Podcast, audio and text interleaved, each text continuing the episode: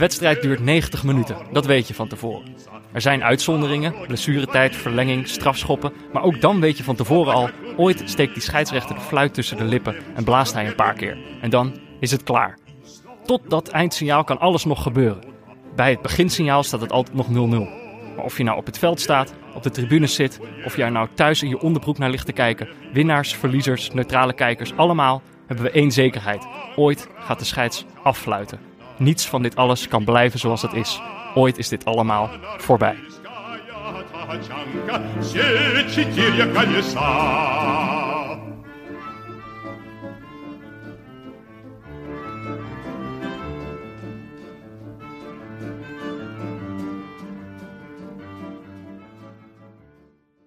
Ja, Jordi. Ja, Peter. Ik dacht dat is een goede, een, een, een goede opener. Ja, nee. Positief erin. Ik, zit, ik, zat, ik zat er helemaal in. Dus voor mij had je nog minuten door kunnen gaan. Nee, ooit, ooit is het klaar, Jordi. Ja, nee, dat is waar. Ja, 12,5 uur toch? Hebben we, 12,5 hebben we vandaag Ja. op de SD-kaart. We zitten, eh, eh, we zitten ergens anders dan vorige keer. Vorige keer zaten we nog hierboven in de pantry. Ja, En nu zitten we voor het eerst echt in de studio van Dag en Nacht Media. We kunnen nog niet helemaal gebruik maken van, van de apparatuur die ze in gedachten hebben. het is wel echt een podcasttafel. Ik dacht, wat is een Ja. podcasttafel? Maar het is, het is een podcasttafel. En dit klopt. Anne was heel trots. Het logo staat inderdaad zo midden op de tafel van Dag en Nacht. Het ze ook ons- overal op, hè? Ja, niet ons logo, maar van Dag en Nacht. Goede stoelen, zei, eh, zei onze gast meteen al toen hij hier kwam zitten.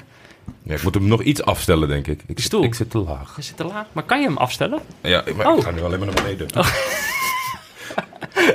Kijk, Nou nu, ja. is, nu is het toch jammer dat er niet gefilmd wordt. We zitten niet op het croissantbankje. We zitten aan tafel eh. Gelukkig.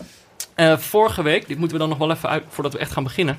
Vorige week, wij dachten als we een nieuw seizoen beginnen, we gaan het iets anders doen. Dan moeten we misschien een soort uitlegaflevering hebben. Om aan de mensen uit te leggen wat we precies in gedachten hebben.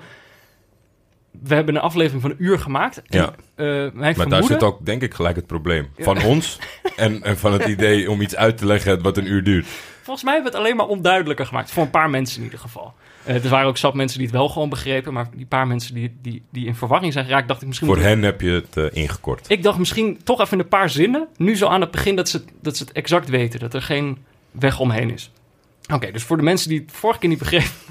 Dit is seizoen 4 van Neutrale Kijkers. De bedoeling is dat we op onregelmatige basis iemand uitnodigen in onze podcast. Om ons meer te leren over die eeuwige vraag. Weet je wel, waarom kijken we nou eigenlijk voetbal? Eh, en dan iedere aflevering willen we één aspect van het voetbal bespreken. En daar kiezen we dan iemand bij die, eh, die daar, nou ja, expert wil ik niet zeggen, maar die daar toch eh, meer over weet dan wij. En dat zijn gewoon heel veel mensen. Ja. Ik spreek voor mezelf, moet ik misschien meer doen. Maar we hebben vandaag, we dachten een goed onderwerp om mee te beginnen is vergankelijkheid. Ja. Het idee dat alles, eh, alles hier op aarde, dat het allemaal een keer voorbij gaat. En ook dat voetbal allemaal een keer voorbij gaat. En daar hebben we natuurlijk maar één gast die we daarvoor kunnen uitnodigen. Alles viel precies op zijn plek deze periode, Ja. denk ik. Ja, eh, kijk, allereerst is hij natuurlijk gewoon vriend van de show. eh, van het allereerste uur. Van het eerste uur, ja. De eerste gast die we ooit gehad hebben in deze podcast. Tijdens het WK klopt ook. 2018. Eh, maar nu is hij er weer. Frank Heijnen. Ja, Nou, hij heeft ook een stem. Leuk. Hij heeft een stem. ja ik, dacht, ik dacht ik laat jullie even deze introductie helemaal eh, eh, met z'n tweeën doen. Zodat Ja. het net lijkt alsof er niks veranderd is. Maar goed, eh, vriend Ik van de denk show. dat er al een Oh, paar waren die bang waren dat hij er helemaal niet was. Ja. Dat gebeurt nog wel eens bij ons. Dat, Een soort de Sinterklaas in tocht maar als podcast. ehm, maar vriend van de show. Maar ook, ik heb hem hier op tafel liggen.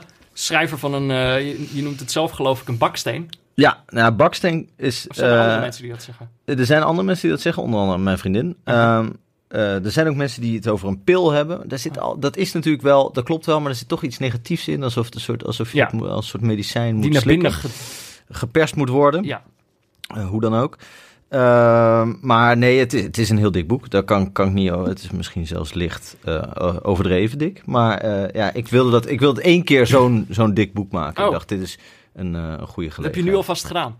Ja, ik heb het nu alvast gedaan. En nu denk ik misschien, misschien nog een tweede keer. Ah, oké. Maar hij is echt, hij is echt imposant eh, qua... Hij is echt wel dik, hè? Ja, dat- ik merkte dat aan mezelf. Ik, ik, ik, eh, als je, dat heb ik altijd met Frank. En dan maakt me niet uit dat hij dan er tegenover zit. Maar je hebt altijd van die artikelen die voorbij komen op Twitter. En dan geef je dan een hartje en dat lees je later.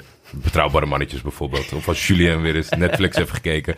Maar bij Frank dan is een van de weinige dingen die ik op werk dan nog wel even meteen lees. En eh, vlak niet zo heel eh, lang eh, voor deze was er natuurlijk de roman. Die heb Ja. ik dan ook bij ontvangst meteen lezen. En dat, dat beviel enorm. Maar ik merk bij deze A zat ik in een ander boek. Maar B denk ik ook steeds van... Hm, het is wel... dat ik, Schrikt ik- het ik- af? Ja, een, klein beetje. Omdat ik ben niet zo iemand die een keer een verhaaltje gaat lezen en weglegt. En dan nog een keer Als ik het doe, dan doe ik het gewoon goed. En dan gaat hij uit ook. Dus wat dat betreft... eh, ja, hij, hij schrikt een klein beetje af. Ook omdat het zo'n leuk onderwerp is. Lijkt mij dat het ook dan... Ja, Maar het is, het is wel redelijk... eh, eh, want ik snap wat je bedoelt. Ik lees ook liever boeken in één keer. Eh, toch leent het zich natuurlijk heel erg voor, eh, voor- eh, af en toe een verhaal... of iedere dag een paar. Of nou ja, goed, dat ja. moet iedereen zelf bepalen. Maar als je ze allemaal achter elkaar leest... Ik, ik hoop dat het zo geschreven is. Daar heb ik mijn best voor gedaan in ieder geval. Dat ieder verhaal dermate anders van toon is... en anders van onderwerp is, dat dat kan. En dat er Mhm. voldoende afwisseling is om door te lezen. Eh, maar het is, een- het, is, het, is, het is anders dan een roman... waarvan je wil weten hoe het afloopt. Want Ja. het zijn Voor de allemaal luisteraars- korte portretten. Hè? Voor de luisteraars die denken, waar hebben ze het over? Buiten de lijnen? Ja, zo heet het. Heet Had je het het? nog Ja. Niet gezegd? Ja. Nee, heb ik nog Oh. niet gezegd. Eh, Bijbel van verge- de Bijbel van vergeten voetballers. Ja. Zo, heeft, eh, zo heeft de uitgeverij dat, eh, denk ik, toch ook wel willen noemen. Na ampel beraad hebben, we- zijn we daarop uitgekomen. Da ja. Das mag, eh, is de uitgeverij. Ehm, het, is, eh, het is inderdaad, hoe ik het gelezen heb, want waar je het net over hadden. Ik heb dus inderdaad, ik, heb het niet van begin tot eind gelezen, maar meer gewoon, ik ga dan door die inhoudsopgave. Ja. De horror. De inhoudsopgave is gewoon al, wat is het, 1, 2, 3, 4, 5 pagina's, 4,5. Ja. 4,5. En dan ga ik gewoon zo die namen af. En dan soms is de naam die ik dan ken. Heel, heel zelden is de naam die ik ken. Het zijn, het zijn tenslotte toch vergeten voetballers. Maar, Ik ben er op tien gekomen. en dan gewoon als iets mij aanspreekt, eh, dan ging ik het gewoon lezen. Waardoor ik dan gewoon één Mhm. moment nog op bladzijde 400 zat. Ander moment nog op bladzijde 100 en zo. Ik vond dat eigenlijk, dat werkt gewoon best wel goed. Dus ik kan De mensen... Chris Kras tactiek, zeg maar. Ik heb de Ja. Chris Kras tactiek gedaan. Ja. Daar, daar voelde ik me wel goed bij. Dus ik kan dat mensen ook wel aanraden. En ik kan het Ja. jou ook wel aanraden, Jody. Ja, ik, ja, ik, ik, Moet niet zo streng zijn voor Ja, jezelf. weet ik niet. Ik, ik twijfel een beetje. Het is echt zo, ik heb nog nooit een deel 2 van iets begonnen zonder dat ik deel 1 dan maar ben gaan kijken of Ja. lezen of zo. Ja, dat, dat zit niet in mijn systeem. En dit boek is natuurlijk misschien iets anders, maar ja, ik denk gewoon van A naar Z. Maar ik ga gewoon zo door die, die inhoudsopgave door. En dan denk ik gewoon, ja, over dit, wat ik nu lees, dat wil ik onmiddellijk wil ik daar meer over weten. Wat, weet je nog eentje waar je dat bij had? Ben ik toch wel Nou, even eh, nieuwsgierig. Kijk, vanavond is natuurlijk, we waren vorige week waren we op de, de presentatie van dit boek. Ja. Maar als we dit opnemen, is vanavond de grote Frank Heijnen voetbalquiz in de Bali. Zeker, zeker. Eh, Kun je dus niet meer heen? daar kan nee, als je dit hoort, is het al geweest. Ja, dat was Maar superleuk.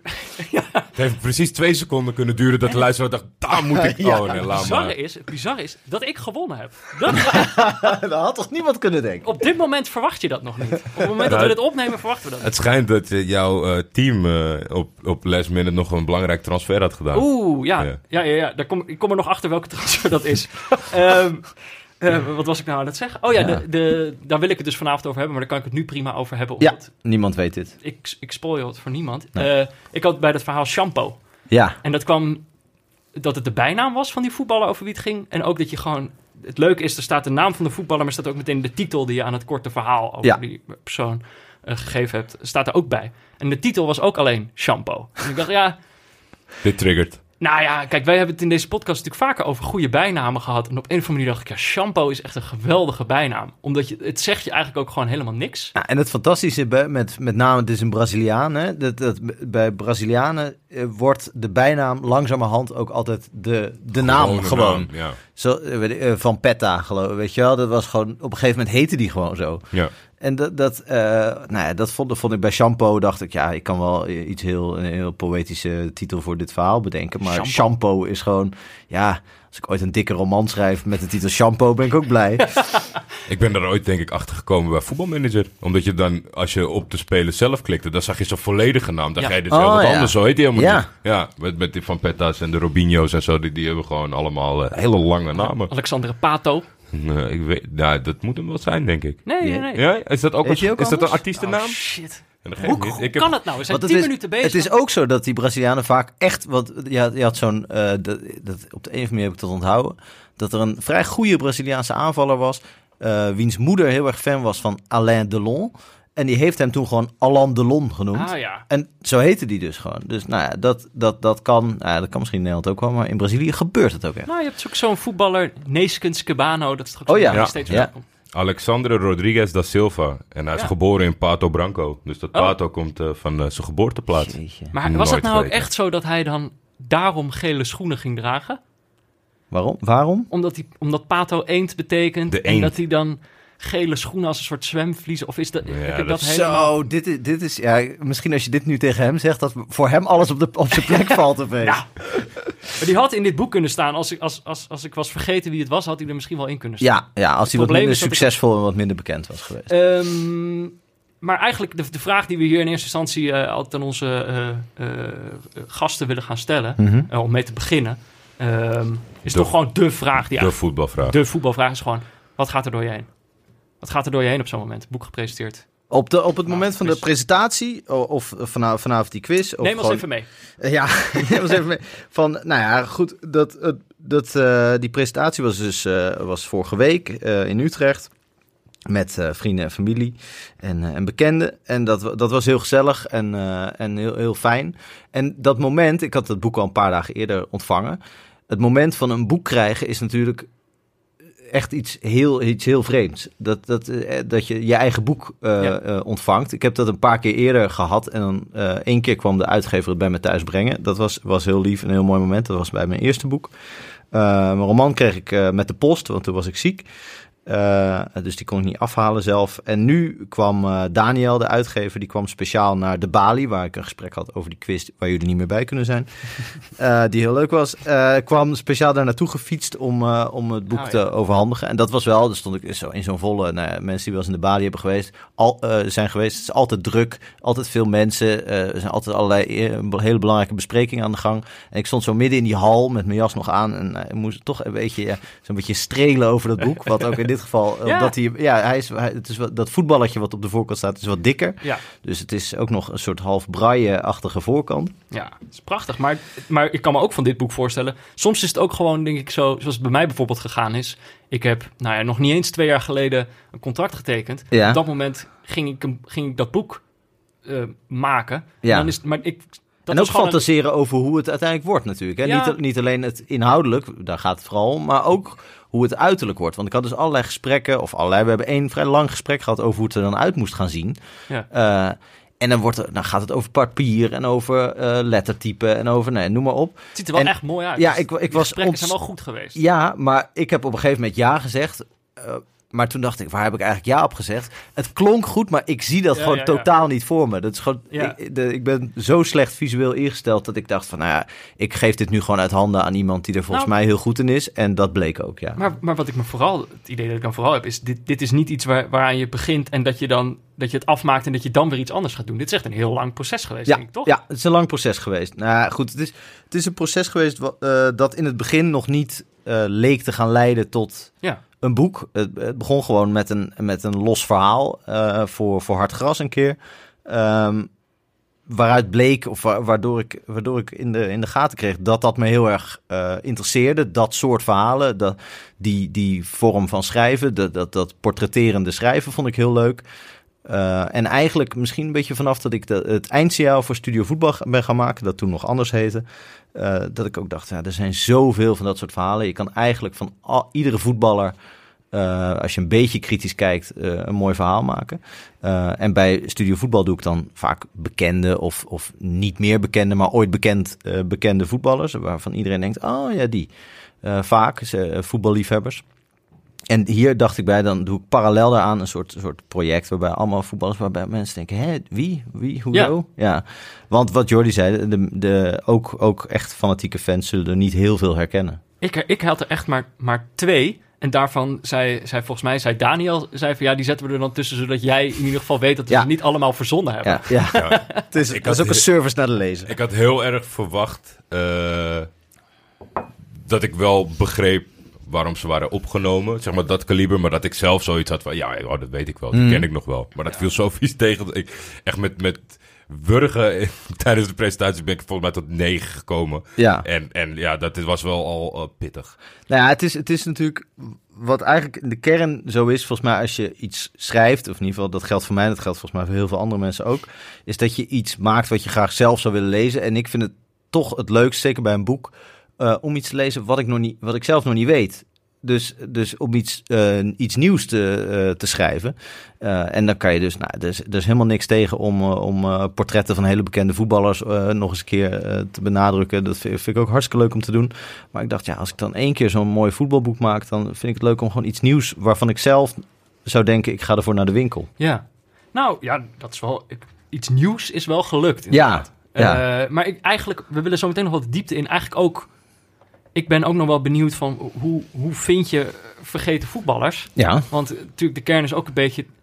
Dat ze vergeten zijn? Ja. ja. Dus hoe, hoe vind je ze? En daar zeg je zelf wel wat over in de in, inleiding van het boek. Maar ja. daar, daar, wil ik ook nog wat meer over weten. Maar ik dacht eigenlijk daarvoor, dacht ik nog... Heb jij niet ook overwogen toen je dit boek schreef... om er wat, uh, uh, weet ik veel, hele... hele hele grote aantijgingen naar stichtingen, uh, naar foundations. ja, uh, ik heb wel wat inlegvellen klaar. Het werk. Ja, wat correctievellen ertussen. Ja. Heb je dat uh, overwogen? Uh, nou, kijk, er, staan, er, staan, er staat heel veel in, maar aantijgingen is min of meer het enige wat ontbreekt, denk ik. nou, kijk, kijk als, je het, als je het hebt over, over andere boeken die misschien nog meer in de media komen dan ik mm -hmm.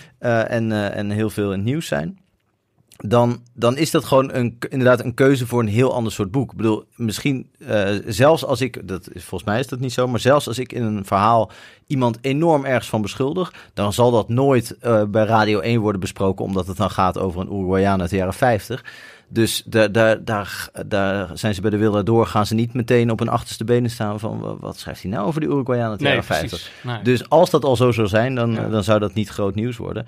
Dus om terug te komen op je vraag, nou ja, kijk, dat is gewoon echt een volkomen ander soort, uh, soort manier van werken natuurlijk. Die uh, Auke Kok, waar, want daar gaat het over. Oh. En, uh, ja, Nou ja, oké, als jij Nou zegt, eh, dan... eh, dan nee, dat is gewoon iemand die, die echt jarenlang enorm eh, één onderwerp heeft uitgeplozen. En Ja. ik heb natuurlijk jarenlang ook eh 300 onderwerpen Ja. uitgeplozen. Dat is echt een fundamenteel andere manier van werken. Dat, en daarom is in zijn geval ook zo'n zo'n eh, foutje of misser of het ontbreken van iets... of nou ja, goed, het ontbreken van hard bewijs of hoe je het ook maar wil noemen...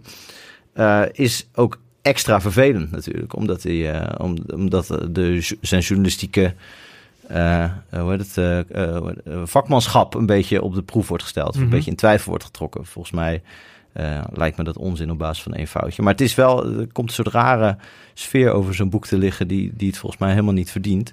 Eh, eh, maar dit is een heel, heel ander soort boek. kan ook in zijn voordeel werken, toch? Ja, Heel veel mensen weten nu dat het boek bestaat. Commercieel werkt het sowieso in zijn voordeel. Maar ik denk dat, ik ken hem niet heel goed, maar ik denk echt dat het voor hem he- persoonlijk gewoon heel, heel naar is. Oh, absoluut. Ja, Ja, dat denk ik en ook wel. hoor. Ja. En ik, ik, ik eh, moest er afgelopen dagen aan denken van, goh, stel dat je zoiets overkomt. Ik, ik zou dat echt heel vervelend vinden. ja. Ja, en ik, ik kan me heel goed voorstellen dat hij, eh, ja, je wil nu in een soort feestroes zijn en dat hij dat nu niet is. En dat vind ik, toch, vind ik Ben echt heel wel? sneu. Jij bent wel in een feestroes nog. Eh, ja, ja, nou, ja, ja, eigenlijk wel. Ja, ja dat is dus. eh, ja, ik wilde dit gaan relativeren, maar waarom eigenlijk? ja. Nee, dat is echt zo. Nee, nee, nee. Het is Echt doe je maar een andere podcast. nee, het is een, periode. Kijk, het rare is, het was superleuk om te maken. En zoals eh, Goomba eh, ooit schreef, eh, een boek is een, overschot, is het een stoffelijk overschot van een idee. Dat is natuurlijk wel zo. Je hebt een soort magisch groot idee in de verte. Weet je wel, aan de horizon ligt iets waarvan je denkt: ik ben met iets heel groots en iets heel moois bezig. Eh, en dan is het er opeens. En dan is het groot. En dan is het mooi. En dan is het helemaal naar je zin. Maar dan is het ook klaar. En dan is het ook af. En dan, dan ligt het gewoon in de winkel. Is als ieder ander boek bij Is dit op dit moment klaar af? Ja, ja, ja, dit is Ja, klaar af. ja. Ja. Ja, Nee, ja, het boek is er gewoon. Het is niet dat ik. eh, maar je dat maakt er geen nog... eh, stiekeme aantekening als je nog eens ergens... Ik maak altijd stiekem aantekeningen. Ja? Ja, ja, Maar in principe. Eh, eh, Een soortgelijk vervolg, dat is, dit, nou, voelt dat, niet... eh, de- de- voorlopig niet. Nee. Nee, nee, nee. Ik denk het niet. Ik denk dat dit wel even, even genoeg is. Het is ook gewoon. Dit is. Je kunt maar een beperkt aantal verschillende vormen, bijvoorbeeld voor verhalen, vinden. En ik heb geprobeerd hier zoveel mogelijk verschillende vormen. Nou, dat gaat tot aan gedichtjes en autobiografische teksten en korte verhalen aan toe. Allemaal dingen uitgeprobeerd. Die, die grens is wel bereikt van hoe, Ja. hoe creatief je daarin kan eh, zijn, zeg maar. En anders wordt het toch een herhaling van zetten. Dat werd het misschien op het laatst hier ook al. Dus er zijn een paar verhalen die ik op het laatst heb geschreven... die er ook weer uit zijn gegaan. Omdat ik dacht, ja, dit is gewoon... dit heb ik al eens gedaan. En misschien wel leuker of origineler of frisser in ieder geval. Dus eh, nou, voorlopig niet. Maar goed, over vijf jaar denk ik daar misschien heel anders over. Je weet het nooit met onze luisteraars. Precies. Die gaan nu vragen aan Frank, waar, blijft boek 2? waar is boek 2? Ja, Wanneer, boek, wanneer Bijbel 2? Bijbel 2. Nieuw, Nieuwe- Nieuwe Testament. Ja. Ja. Maar ehm, we, we- hadden het net al heel even voorzichtig een beetje over de actualiteit. En dat Ja. is ook iets... Kijk, onze podcast gaat nu natuurlijk niet meer over de actualiteit. Dat is iets wat we... Oh ja, het moet tijdloos. nog, ik bedoel, jouw boek gaat ook niet over actualiteit. Zeker niet. Maar Maar, we willen toch altijd een beetje, om, om mensen toch een idee te geven... om het toch een beetje te plaatsen in de tijd... Mhm. moet je het soms wel een beetje hebben over de actualiteit. denk ik. dachten we... We hadden een vormpje bedacht... eh, dat we vergeet het te delen met we- Frank. Hebben we dan weer niet met Frank gedaan. Hadden we misschien even moeten doen. Maar ik denk dat we daar wel uitkomen. Vergeten vormpjes. Ja. Ehm, is dat eh, eh, we willen zeg maar om een beetje te peilen hoe iedereen erin zit. Aan het begin van zo'n aflevering willen we dan in de toekomst in ieder geval ook aan onze gast gaan vragen eh, om, om één headline, één kop eh, Oh ja. over voetbal, als het even kan, mee te nemen. Eh, die je de afgelopen tijd heeft bezig gehouden. Zodat we een beetje weten van, van in- met wat voor een hoofden hebben we te maken. Weet je wel? Wat, wat speelt er met, eh, met deze mensen? Dan eh, is aan jou de eer om te Oh, starten. Ja, dan heeft Frank nog wat bedenktijd. Ja. Want ja, jij bent sowieso... eh Oké, dus- er was iets. Er, er is bij jou altijd iets. Heel even, dus voor de luisteraars ook, we gaan nu heel even over actualiteit. Ja. Voordat we echt de, de, het verleden weer, De diepte weer ingaan. De diepte in, ja. Voordat we echt aan die verdieping beginnen. Even die oppervlakte. Nou, kijk, een kop. eh, en, en dit is ook echt wel uitgebreid over, eh, over Twitter heen gegaan. Omdat die, omdat die kop op zich ook wel eh, stom genoeg is. Daar kan je al genoeg over vinden. Ehm, maar dat is dat, dat gedoe over dat Ajax naar Qatar gaat. Daar heeft Van der Sar zich inmiddels over uitgesproken. En, en de kop was eh, eh, dat Van der Sar zegt... wij zijn een voetbalclub, geen politieke partij. Ja. Feitelijk juist. Eh, feitelijk juist. We zijn een bedrijf, hè? Ja. Ehm, dat is feitelijk. Maar kijk, eh, voor de mensen die niet snappen waarom, waarom het fout zou zijn om naar Qatar te gaan, is gewoon ja, die, die stadions die daar gebouwd worden, dat wordt, dat wordt niet zeg maar door, eh, door, eh, door, eh, door fatsoenlijke bouwbedrijven, zoals sommige bouwbedrijven uit Diemen eh, ge- gedaan. En dat wordt gewoon door, door illegale arbeiders eh, gedaan. En er zijn een hele hoop onder slechte omstandigheden. Ja. Er zijn gewoon heel veel mensen gestorven daar. Ja. Eh, daarnaast is er natuurlijk nog veel meer mis met, eh, met zo'n land. Er zijn nog veel meer redenen om er niet naartoe te gaan. Ehm, maar wat ik raar vind aan die uitspraak van, van de SAR... is ehm, alsof je zeg maar alleen maar met de mensenrechten zou moeten bezighouden... als je een politieke partij bent. Zeg maar, ja, we zijn geen politieke partij, dan hoeven we ons daar toch niet mee bezig te houden. Dat vind ik heel gek. En ik hoef, kijk, ik hoef hier nou niet een heel betoog over te houden. Eh, maar wat ik, wat ik eigenlijk vooral zo stom vind... Ja, is doe dat- maar wel eigenlijk. Want Ja? het is best wel, ik vind het best wel een eh, belangrijk eh, onderwerp. En ik vind ook dat, dat Ajax, Ajax nu is nu het voorbeeld. En, en, Ja. en terecht. Maar er zijn talloze vandaag- voorbeelden. PSV geldt exact hetzelfde voor. Die gingen vorig jaar ook al. Bayern München ging volgens mij ook vorig jaar. Eh, Al die eh, ploegen gaan en die zeggen Ze dan gaan gewoon- allemaal. En dan zeggen ze, ja, maar de, de faciliteiten zijn zo goed. Ja. Ja, maar die zijn dus gebouwd door mensen die nu dood of niet betaald of allebei Ja, eh, zijn. Ehm, maar wat, wat me ook stoort, is dat Ajax, weet je wel, het verhaal dat zij over zichzelf opbouwen is, wij zijn een club die het anders doet. De grote clubs met al dat geld, die kopen al die spelers. Wij leiden ze op, weet je wel. Wij zijn nog een club met een ziel. Mhm. Denk ik van ja, als je dat verhaal verkoopt, eh, eh, weet je wel, als je daar de vruchten van wil plukken van zo'n verhaal, dan moet je misschien ook eh, soms beslissingen nemen die vervelend zijn voor jezelf. Namelijk dat je dan dus niet naar Qatar gaat omdat je een club bent die het anders doet. En dit is waar het dus echt wrijft. En waarbij dan uiteindelijk ook blijkt dat zo'n verhaal van Ajax gewoon ook maar gewoon een marketingverhaal Marketing, is. En niet een ideologie.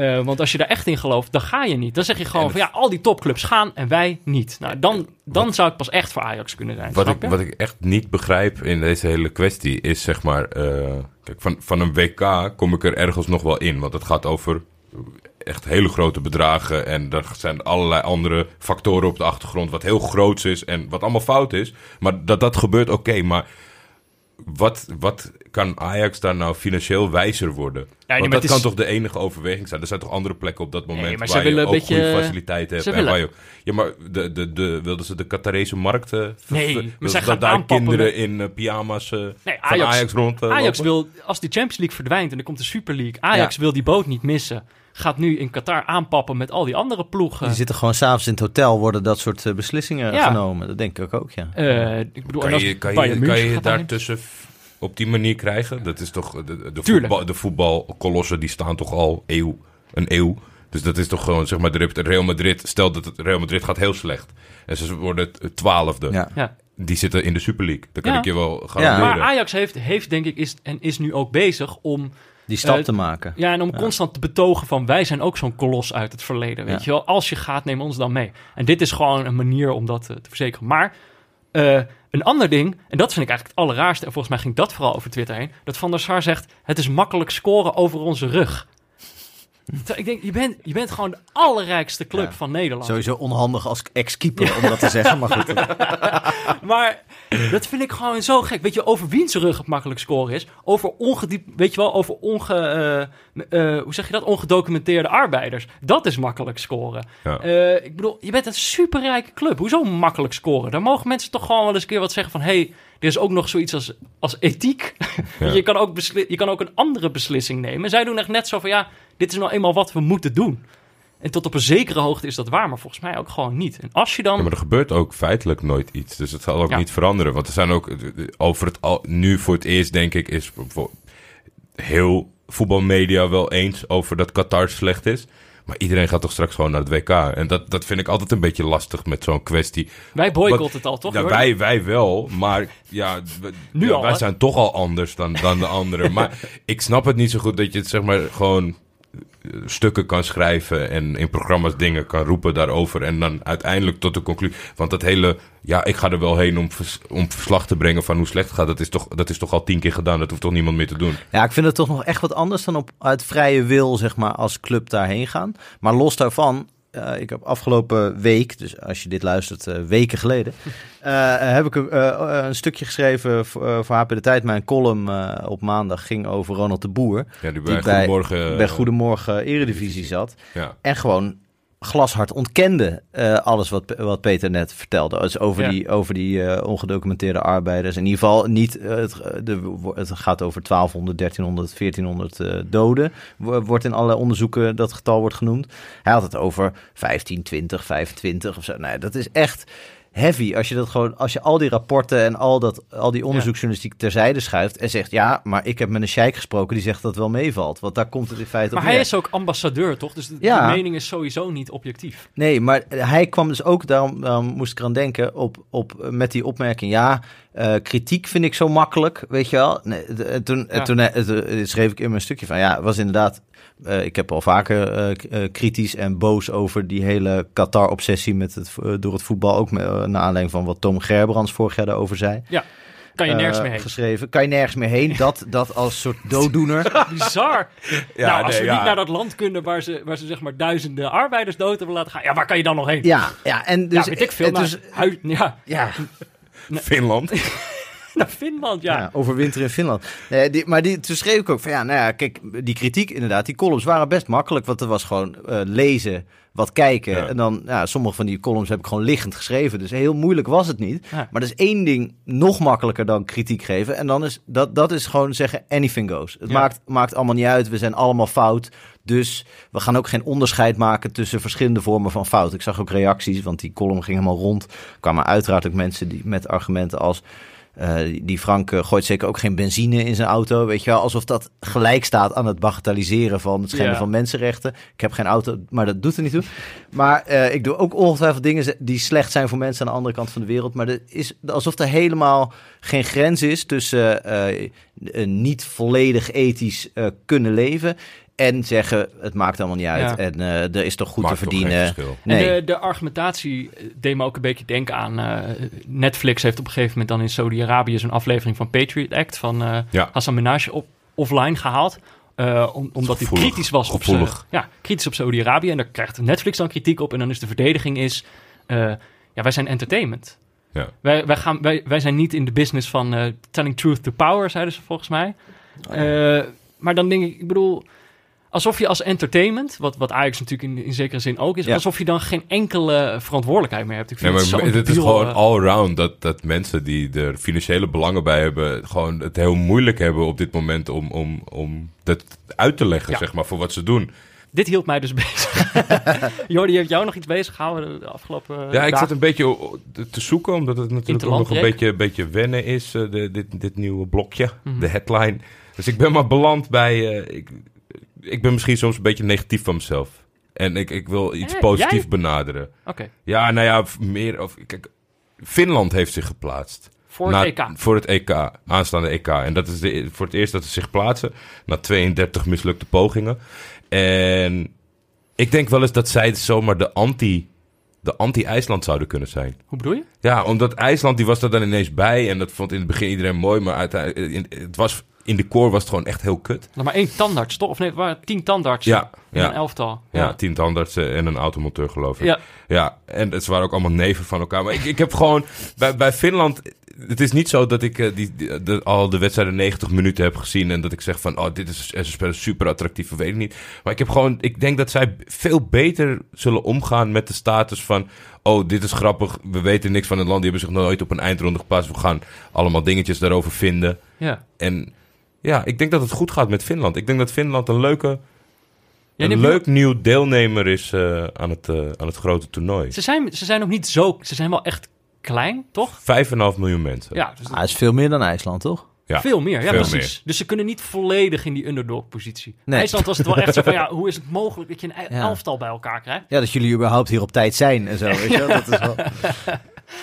Dat kan Finland inderdaad niet. Poekie heet die spits, toch? Van Ja, IJsland. Temu, Eh, die of eh, van Norwich Finland. City in het begin Ja. van het Ik wou seizoen net zeggen natuurlijk dat ik veel... eh, niemand van ze kende. ja, je, je kent er wel meer. Lucas Redecki, denk ik. De keeper van Bayer Leverkusen. Eh Jari Liedmanen staat natuurlijk nog steeds op 10. ja, ik... ik, ik Zo sneu toch voor ja, Liedmanen. dat is echt zo. Net als dat Wales ineens ging lopen zonder gigs. Ja. Ja, dat, is, dat vind ik altijd wel... eh, Het is natuurlijk wel gewoon een EK met veel meer deelnemers, toch? Dus dan is het ook een beetje...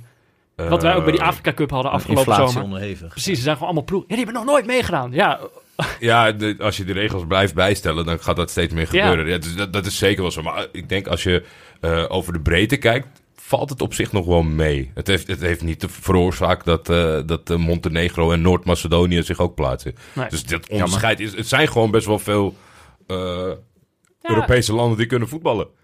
En die Heb zijn er nu allemaal. Ik kan me even niet... Hebben jullie het al wel eens gehad over het feit...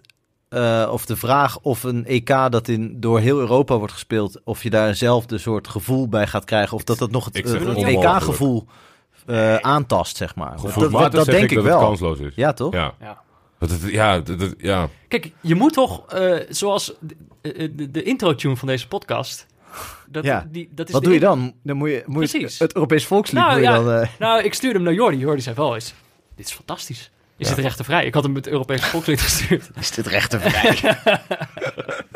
Ja, nee, oh, dat, oh ja, nu begint hij te dagen. Dat was echt een toplied, het Europese Songfestival. Dus dat kan. Maar, maar eh, eh, ergens is de de- deel van de lol is natuurlijk ook dat het dan, zo- dat het dan in één land is. Kijk, ja, eh, vind ik wel. En eh, kijk, maar het Rus- kan, het kan zonder problemen, bijvoorbeeld, ze hebben er toen voor gekozen om dat te delen, maar het zou zonder problemen in Nederland georganiseerd kunnen worden.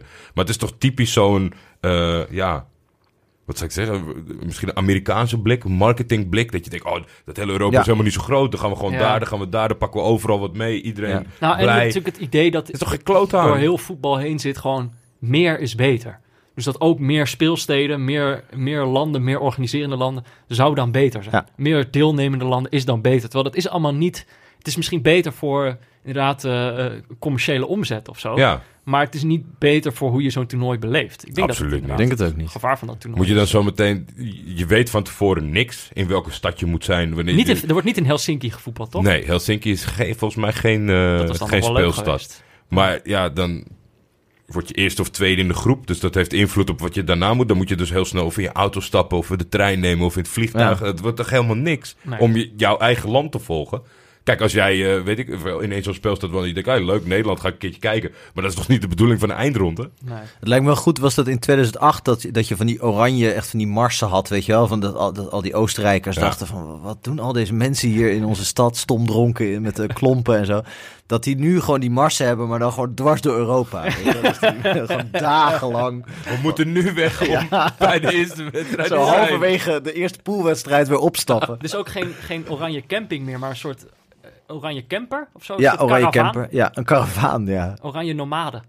Dat zou goed zijn. En dan gewoon, ja, waarom zou je dat eigenlijk alleen voor het EK bewaren? Gewoon, Gewoon zo'n reizend gezelschap. ja. Heb jij nog iets wat je heeft, actueels wat je heeft bezig gehouden? Ehm, nou, eh, Zullen we het gewoon gaan hebben over je boek? laten we, ja, want dat is eigenlijk voor mij heel actueel. Dus mag, ik, mag ik dan beginnen? Ja, Ja. mag ik beginnen met, met het meest absurde dat ik heb gelezen tot nu toe? Ik moet wel zeggen, ik heb nog niet alles gelezen. Met alle plezier, ja. Het meest absurde dat ik tot nu toe heb gelezen in dit boek stond in de inleiding. Namelijk eh, dat jij altijd opneemt als je wordt gebeld door een anoniem nummer. Terwijl dat voor mij echt... eh, ik had hoge verwachtingen voor wat je nu ging zeggen. Maar, iPhone heeft sinds kort de optie om dus gewoon... Ik, ik, ik Hij krijg gaat niet eens- meer over. Ik ga, hij gaat niet eens meer over als ik word gebeld door een anoniem nummer. Jij bent natuurlijk ook... Jij wordt natuurlijk ook... Je staat ook Maar jij bent ingeschreven in het sowieso wel- zeker, zeker. Frank belde jou net, nam je ook niet op. Ga je, kijken, ga je eerst kijken Nee. of het voor de deur staat en daarna misschien een keer terugbellen. Dus dat zegt niet Ik zoveel. waaide bijna weg ondertussen. Maar, dat, maar uiteindelijk is dat een aanleiding voor een schitterende anekdote. Dus ik ben wel gaan twijfelen van... oh, ja, want jij wordt gebeld door, door iemand over wie je had geschreven. Ja, Nog niet zeker. voor dit boek, maar voor eh, het eindsignaal toen. Ja, voor Studio Voetbal. Eh, eigenlijk een van de eerste filmpjes die ik maakte voor Studio Voetbal, of in ieder geval die eerste reeks. eh, toen ik net begonnen was en het allemaal nog een beetje eh, onduidelijk was wat ik eigenlijk moest doen en, en of, het, of het gewaardeerd werd en hoe mensen reageerden, was allemaal nog een beetje in, in- was ik nog een beetje onzeker over. Ehm, en een van die filmpjes ging over Willy Dullens. Ja. Eh, Daar hebben som- misschien ook nog wel over gehad. Hè? Zeker, grootste Limburgse voetballer ooit.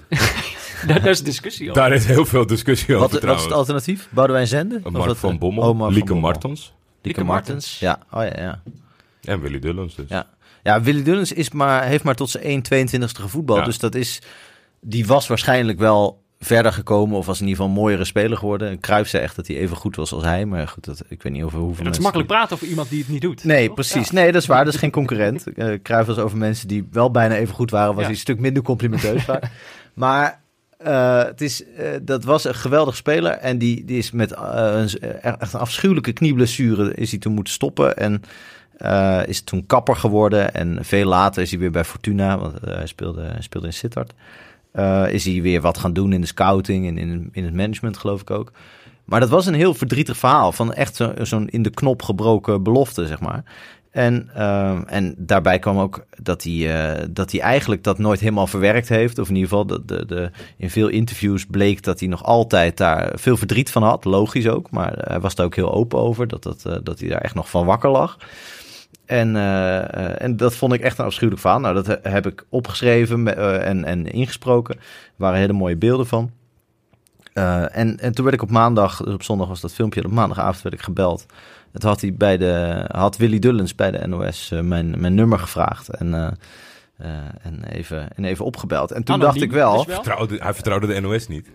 Even anoniem bellen. Nee, maar en toen, en toen dacht ik van, goh, eh, toen, toen zette ik me echt een beetje schrap, wat misschien veel over mij zegt dat ik bang ben dat ik het dan verkeerd doe, terwijl ik eh, wist dat het allemaal klopte en dat, dat het ook wel eens echt een eh, eerlijk en eh, hopelijk mooi beeld was van zijn carrière. Maar je weet nooit hoe dat op iemand overkomt. Je, je, je zet wel, toen dacht ik opeens, oh ja, ik, ben nu, ik heb nu gewoon voor heel Nederland, of in ieder geval voor heel veel mensen op Nederland 1, eh, waar veel mensen naar kijken, iemands ja, een trauma eh, weer opgerakeld Mhm. eigenlijk. Ja. Eh, Dat, dat, dat kan heel verkeerd vallen. Eigenlijk, de kans is groter dat het verkeerd valt dan dat het goed valt eigenlijk. Dus ik zet hem echt even schrap. Eh, maar hij vond het prachtig. Hij was er heel blij mee. Hij was er heel veel op aangesproken. En mensen hadden het allemaal mooi gevonden. Dus dat was gewoon... nou, daarom, daarom staat die anekdote in de inleiding. Ehm, dat ik me toen realiseerde... en dat, dat realiseer je natuurlijk altijd wel... maar toen werd het even heel concreet... dat, dat die rubriek, maar ook dit boek...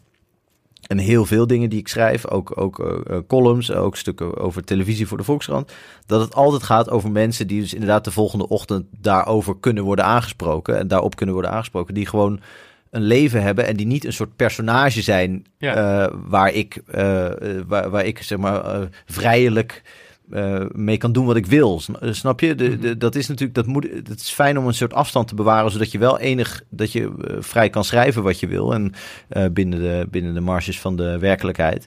Ehm, maar op het moment dat je iemand goed leert kennen en, en heel goed gaat, gaat nadenken over dat iemand echt bestaat en dat misschien sommige dingen lastig zijn of pijnlijk of verdrietig, dan zou het kunnen dat dat minder goede stukken oplevert. Maar je moet het toch, je moet, je moet het toch voortdurend in je achterhoofd houden. Dus die, nou, dat was een eerste moment dat ik dacht, oh ja, ja gewoon al deze mensen eh, ze- bestaan of hebben bestaan en verdienen het om eh, eh, ja, gewoon een zo, zo goed mogelijk en zo eerlijk mogelijk eh, portretje te, te krijgen. Hoe erg is het nou om een paar keer geen interesse te zeggen als ook Willy Dullens kan bellen? Precies. Ja, toch? Ja, ja. Dat, dat weegt niet tegen elkaar Ja. op. Dus ja, het is echt wat ik, wat ik in je inleiding schrijft, klopt, klopt ook wel. Want ik, eh, dat ik altijd ook ergens de hoop heb. Want ik ben, ik ben eh, vaak bang dat, het, dat, dat er iemand is die mij de huid vol scheldt. Maar ik, ben ook wel, ik hoop ook ergens stiekem wel dat iemand me dan opeens heel veel geld wil geven Ja. voor iets. Eh, voor heel weinig werk. Eh, dat gebeurt eigenlijk nooit. Eh, maar inderdaad, eh, nou ja, goed, het feit dat Willy Dullens... Het is me wel eens vaker gebeurd dat iemand, eh, iemand opbelde... naar aanleiding van zo'n eindsignaal. Dus de, het, het leidend voorwerp zelf, zeg maar. Eh, en dat waren eigenlijk altijd leuke, leuke gesprekken. Maar het, gaat ook, het zegt ook misschien wel Eigenlijk altijd. Er zit een stukje Ja. ruimte. Ja. Eh, nee, ja, ik vind, dat, ik vind het spannende gesprekken. Dus ik vind Ja. het niet per se... Er eh, niet op te wachten. maar als het dan nee, leuk uitpakt. nee, ja, precies. Het, het, pakt, het pakt altijd leuk uit. Maar het is, al- als ze bellen, denk ik altijd even van... Oh jee, ik heb iets... Weet je wel, Ja. eh, de, de, de, ik moet was volgende week rectificeren. Hij. Ja, Hij ja, was- precies. Ja. Ik, ben Ja, helemaal, ik ben helemaal geen kapper geweest. Dat nee, ja. ik ben makelaar. Ik, nog, barbier. ik, ik zweer op mijn moeder, ik heb nog nooit in mijn leven Een schaar een aangeraakt. schaar aangeraakt. maar het zegt misschien ook wat over wat je ook in je inleiding schrijft, dat je, dat je niet over het spel schrijft. Je schrijft over de Ja. levens Ja. Van die mensen. Ja, eigenlijk in dit boek nog veel meer dan, eh, dan op televisie. Want op televisie beschrijf ik nog wel eh, het soort voetballer dat iemand is. Dat wordt dan vaak ondersteund ook door beelden. eh, zodat je meteen kan controleren of het klopt. Maar inderdaad, hier gaat het. was eigenlijk het criterium om in het boek te komen. was dat iemand een bijzonder leven of een bijzonder verhaal moest hebben. En dat speelt zich in sommige gevallen op het veld af. Maar in bijna alle gevallen gaat het over dingen die buiten de lijnen zijn gebeurd. Ja. Ja. Ik, wat ik me afvraag, ehm, en, dat zeiden we eerder eigenlijk ook al, ehm, is hoe, hoe vind je ze? Hoe, vergind je, hoe vind je een voetballer die vergeten is, zeg maar? ja. En hoe kan je daar dan nog, weet je wel, en in hoeverre is hij dan echt vergeten op het moment dat jij er nog iets over kan vinden? Ja, nee, dat is een goede vraag. Natuurlijk, vergeten voetballer is ook, is ook maar een term. Kijk, de echt vergeten voetballers, die staan in geen enkel boek. Dat, dat, Ja. dat is heel simpel. Eh, Die zijn misschien ook niet zo interessant. die zijn ook niet zo interessant, want die zijn dan waarschijnlijk vergeten met een reden. Ja. Ehm, maar de, hoe ik ze vind, nou ja, de, de- dat is een beetje een flauw antwoord. Maar tot op zekere hoogte is gewoon de zeef die in mijn hoofd zit, waar, waar, waar, je alle, eh, waar alle loze en zinloze informatie doorheen valt bij normale mensen, is gewoon op die manier afgesteld dat heel veel rare feitjes over voetballers, maar ook, ook veel breder, eh, wel blijven hangen. Dus ik heb, ik heb heel vaak als ik iets hoor, dat ik meteen denk, dit moet ik onthouden. En dat, dat lukt dan ook. En, en eh, sinds ik echt concreet aan dat boek en aan die rubriek werk, eh, eh, met, be- kan ik daar meteen werk van maken. Dus kan ik meteen even checken van, de, als ik iemand een naam hoor of een naam lees, ik denk, er was iets met die persoon. Dan kan ik dat meteen gewoon controleren. Dus dat is gewoon een kwestie van, van een bepaalde eh, manier van, van denken en eh, van het filteren van informatie. En tot op zekere hoogte sta ik, eh, of is dit boek gewoon een soort, ook een soort enorm bedankje aan heel veel mensen overal ter wereld Ja, die dit allemaal eh, bij zitten te houden en zitten te archiveren. Want er zitten Frank Heijnes over de hele wereld die hun informatie delen op weblogs, op Ja. sites, in zelfgemaakte tijdschriften, eh, in, in kleine musea, eh, in, op- in YouTube-kanalen. jij hebt het over obscure voetbalblogjes. Ja, ja die, de ene obscuurder dan de ander. Kijk, voor Nederlands begrippen zijn sommige heel obscuur. Misschien zijn ze dan in Italië of in Zwitserland heel groot. Maar eh, Of voor onze luisteraars die dan zoiets hebben van, ja, ja, dit, ken, dit zit ik iedere dag. Ja, er zitten ook wel bekende tussen hoor. Dus sommige sites zijn gewoon hartstikke mooi en daar, daar keek ik ook op. Maar je hebt ook echt nou, een, een hoe heet het? Franstalig blog over de historie van het Russische voetbal bijvoorbeeld. Nou, dat, die wordt week, dat wordt wekelijks ververst. En dat- dat zijn echt hele solide, eh, uitgebreide stukken. Nou, dat, dat soort... Daar kom je gewoon langzamerhand op. Als, als je gewoon onderzoek gaat doen naar bepaalde spelers. En dat Eh. Klopt, klopt het beeld een beetje wat ik erbij krijg? Dat we echt hebben het over van websites, hoe ze ooit ontstaan zijn, zeg maar, websites. Qua. GeoCities. Ja, ja, daar de- de- net één stap eh, verder. iets, maar, iets digitaal. ja, iets, die, ja iets, iets moderner. Maar die, die zitten er zeker tussen. Er zitten ook hele moderne websites bij. Bijvoorbeeld eh, eh, in Italië heb ik een aantal hele mooie eh, en hele actuele sites gevonden van, eh, van mensen die echt ja, bijna wekelijks dus nou, zo'n soort verhaal, zo'n soort voetbal. Niet eh, va- vaak ook wel iets bekender dan wat in mijn boek staat. Maar ik heb er wel een aantal, eh, aantal keer heel veel aan gehad, aan die verhalen. Eh, ja, gewoon, dat zijn allemaal amateurs. Want ik heb vaak die mensen benaderd en gevraagd van, hoe, hoe, kom je hier aan? En waar, waar, waar lees je dit? En waar heb je dit gevonden? En heb je je boek over? Of je noemt dit of dit. Eh, en dat waren voor een heel groot deel waren dat eh, amateurs. Soms waren het ook sportjournalisten die dat soort verhalen niet kwijt konden en het Ja, eh, zelf publiceren. zelf publiceren.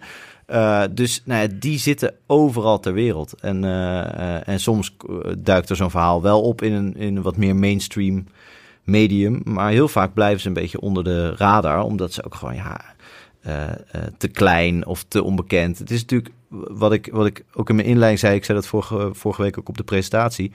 Eh, bij verhalen, zeker bij sportverhalen, is het fijn als je een soort ergens een soort linkje hebt naar wat je wel weet. Heel, bij heel veel van wat je wel kent, of een, eh, een, een voetballer of een wedstrijd die je wel herinnert. Heel veel van dit soort verhalen heeft hebben geen enkel linkje met iets wat je kent. Snap je? Is alles nieuw. En dat is vaak voor eh, om iets in de krant of in een tijdschrift of op televisie te brengen heel erg moeilijk. Bijvoorbeeld die eindsignalen, daar moet al beeld voor zijn. Ja. Eh, daarom zijn deze allemaal ongeschikt als eindsignaal. Het zijn ook bijna Ah. allemaal buitenlanders. Ben je het eens als ik stel dat het eigenlijk alleen maar lastiger wordt?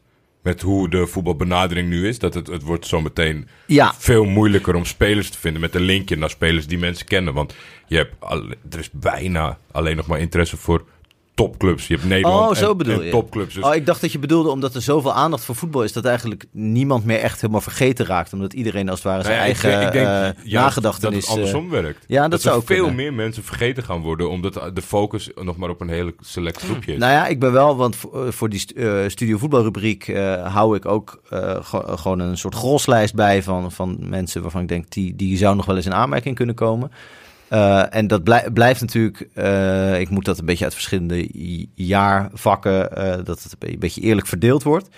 Eh, maar eigenlijk de, de lastigste periode is de laatste tien jaar, omdat je daar er zijn zoveel voetballers de revue gepasseerd de afgelopen tien jaar bij, nou, noem maar een club, Rode JC of FC Twente, dat je echt door, door de bomen het bos niet meer ziet. Terwijl iedereen weet, eh, of iedereen die van voetbal houdt of van voetbalgeschiedenis houdt, die weet wel, oh ja, Rode JC jaren 90 of FC Twente jaren 80 kun je een paar mensen noemen van, oh ja, die moet je, die moet je dan echt in zo'n rubriek. Dat is echt leuk om daar nog eens een keer een portretje van te maken. Ja, Maar eh, 2000. ja, wordt Ja. Al, vanaf dat moment wordt het al hartstikke lastig. Er zijn er heel veel en er zijn waarschijnlijk ook heel veel fantastische verhalen, maar ze beklijven gewoon op de een of andere manier Nee. minder, omdat eh, dat, dat ze misschien wel zo zichtbaar zijn geweest. Weet je wel, de, de, het gebrek aan schaarste is wat dat betreft ook wel eh, eh, problematisch dan. Ja. Ik, maar wat ik me afvraag... Kijk, we hebben het natuurlijk uiteindelijk toch... gaan we het in dit seizoen de hele tijd hebben over van, van hoe, hoe kijk je voetbal. Ja. En wat ik me dan eh, aan de hand van zo'n boek afvraag... is van, ah, op, als jij nu naar een wedstrijd kijkt... kijk je dan ook een beetje op die manier? Denk, kijk, zie je dan soms een speler... En denk je dan, oh, die, dat is, die kunnen we nog wel eens gaan vergeten. Nou, ik, ik, ik denk dat wel eens, maar ik denk dat, dat iedereen dat tot op zekere hoogte wel een beetje denkt van, want dat zijn natuurlijk vaak mensen die al een goed verhaal hebben, of waarvan Ja. je al weet van, oh, dit is een wonderlijk karakter, of die heeft, eh, eh, die ziet heel raar uit, of, nou ja, weet je wel, er, zijn allerlei redenen om te denken van, oh, dat is, dat is wel iemand voor een, voor een onderwerp. maar het zijn niet de allerbeste voetballers. het zijn nooit de allerbeste voetballers, want eh, zeker aan de top, Die vergeet je ook niet. dat, die vergeet je niet. En dat zijn mensen die zichzelf altijd wel redden. Om, Ja. Gewoon omdat ze zo, zo goed zijn. En vaak ook, ook buiten het veld wat handiger. Maar eh, eh, eigenlijk, want ik heb een paar jaar geleden dit ook met wielrenners gedaan. Toen kwam die vraag ook af en toe langs. Kun je dat zien bij wielrenners van nu die over tien jaar misschien eh, in, je, in je boek zouden kunnen, bij wijze van spreken, in een deel 2? Dat is eigenlijk niet te doen. Kijk, voor, voor dit boek is het sowieso lastig, want dit zijn echt hele vergeten voetballers. Er staan maar twee Nederlanders in. Dus nou ja, goed, dan, dan zou je als Eredivisie-speler echt wel, wel heel erg, het heel erg bond moeten maken. zijn. Ja, moet je hele grote vergeten zijn. Eh, maar voor zo'n eindsignaal k- kan het natuurlijk ook prima als je echt iets moois hebt gedaan. Of, Ja. of um, één briljant doelpunt. Bekend voorbeeld is Willy Carbo, die ooit zo- zo'n Van de Vaart, Ja. de eerste Van de Vaart omhaal, zo met zijn hak.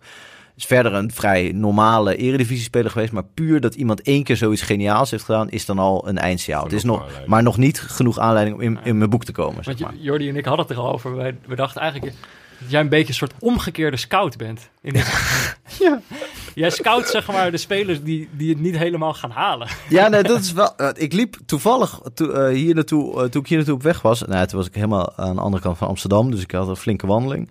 Eh, toen liep ik langs het Olympiaplein, waar, waar Swift voetbalt. En toen waren een paar jeugdteams aan het spelen. En toen ble- bleef ik even een broodje eten daar en even kijken. En toen dan denk ik altijd nu van, met de blik van zo'n jongen uit de B1 of zo van de- die ik zelf had vroeger. Oh, daar staat een scout, weet je wel. Zo- Zo'n Ja. figuur alleen, weet je wel. Nou, dan, was, zat ik in mijn fantasie al bij Ajax. Maar, eh, en ik dacht, dat, denken ze nu vast van mij. Maar eh, dat ik inderdaad eh, inmiddels wel heel erg kijk ook naar hoe mensen...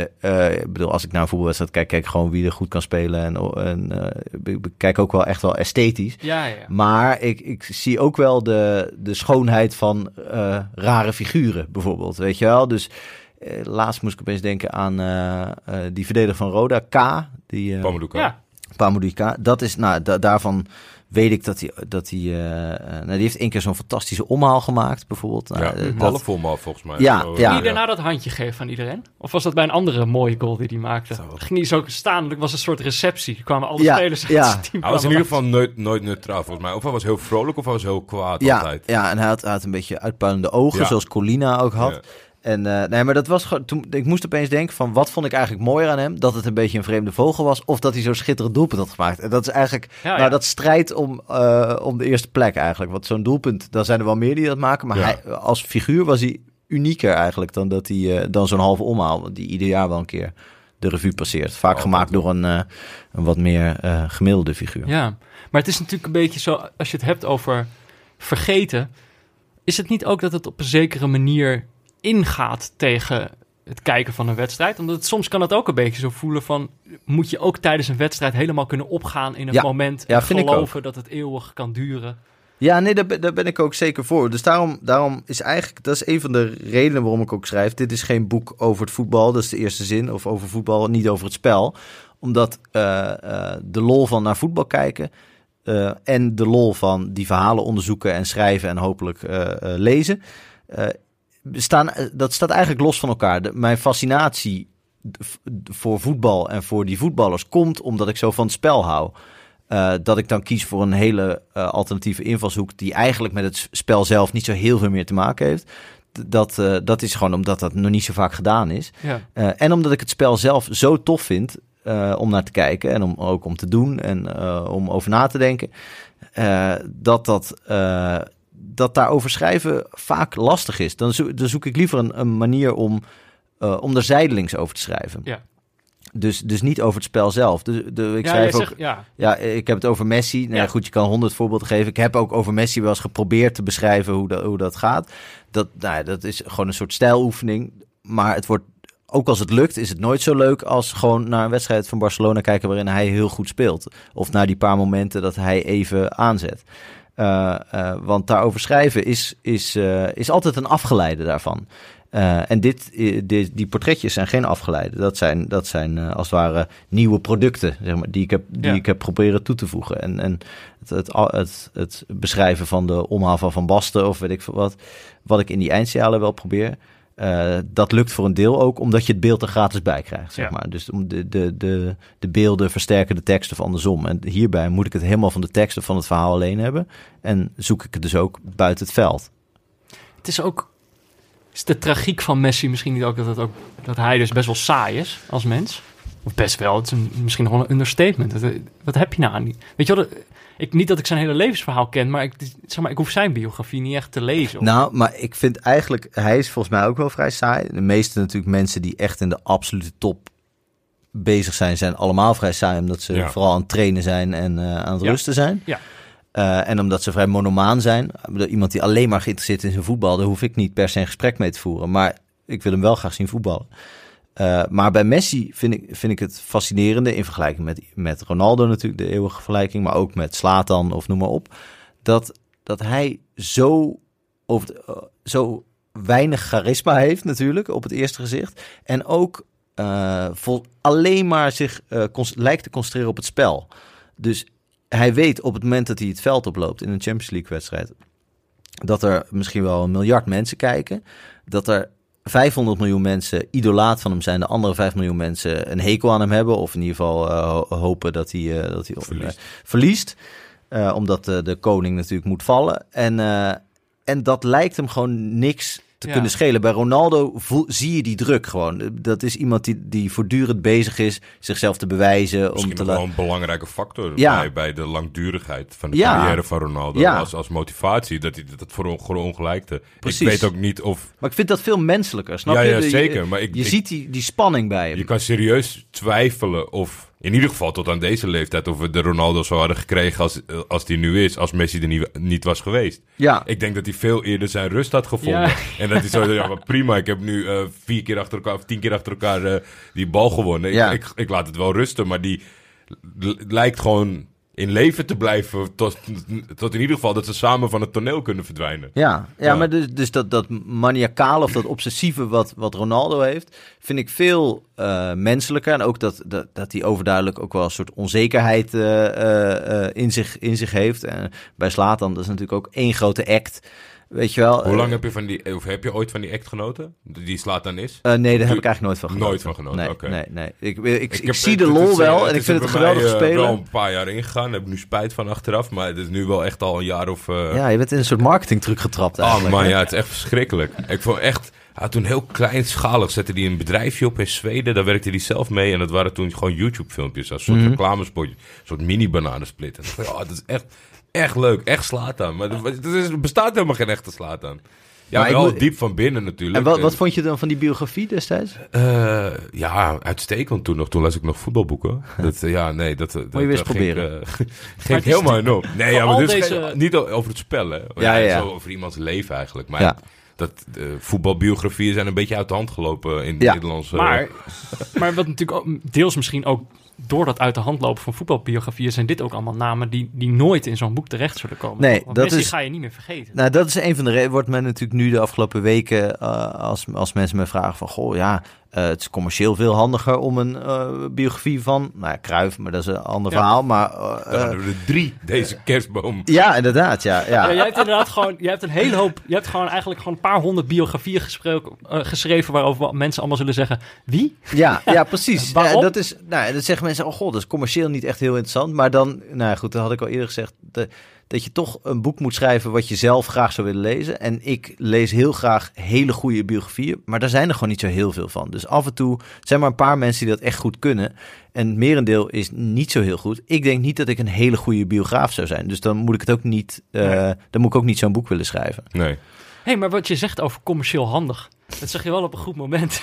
Oh, kijk eens even. Mijn god. Kijk eens Deze, even. deze podcast wordt natuurlijk ook gesponsord. Ja, ik, ik, eh, ik trek me hier even uit terug.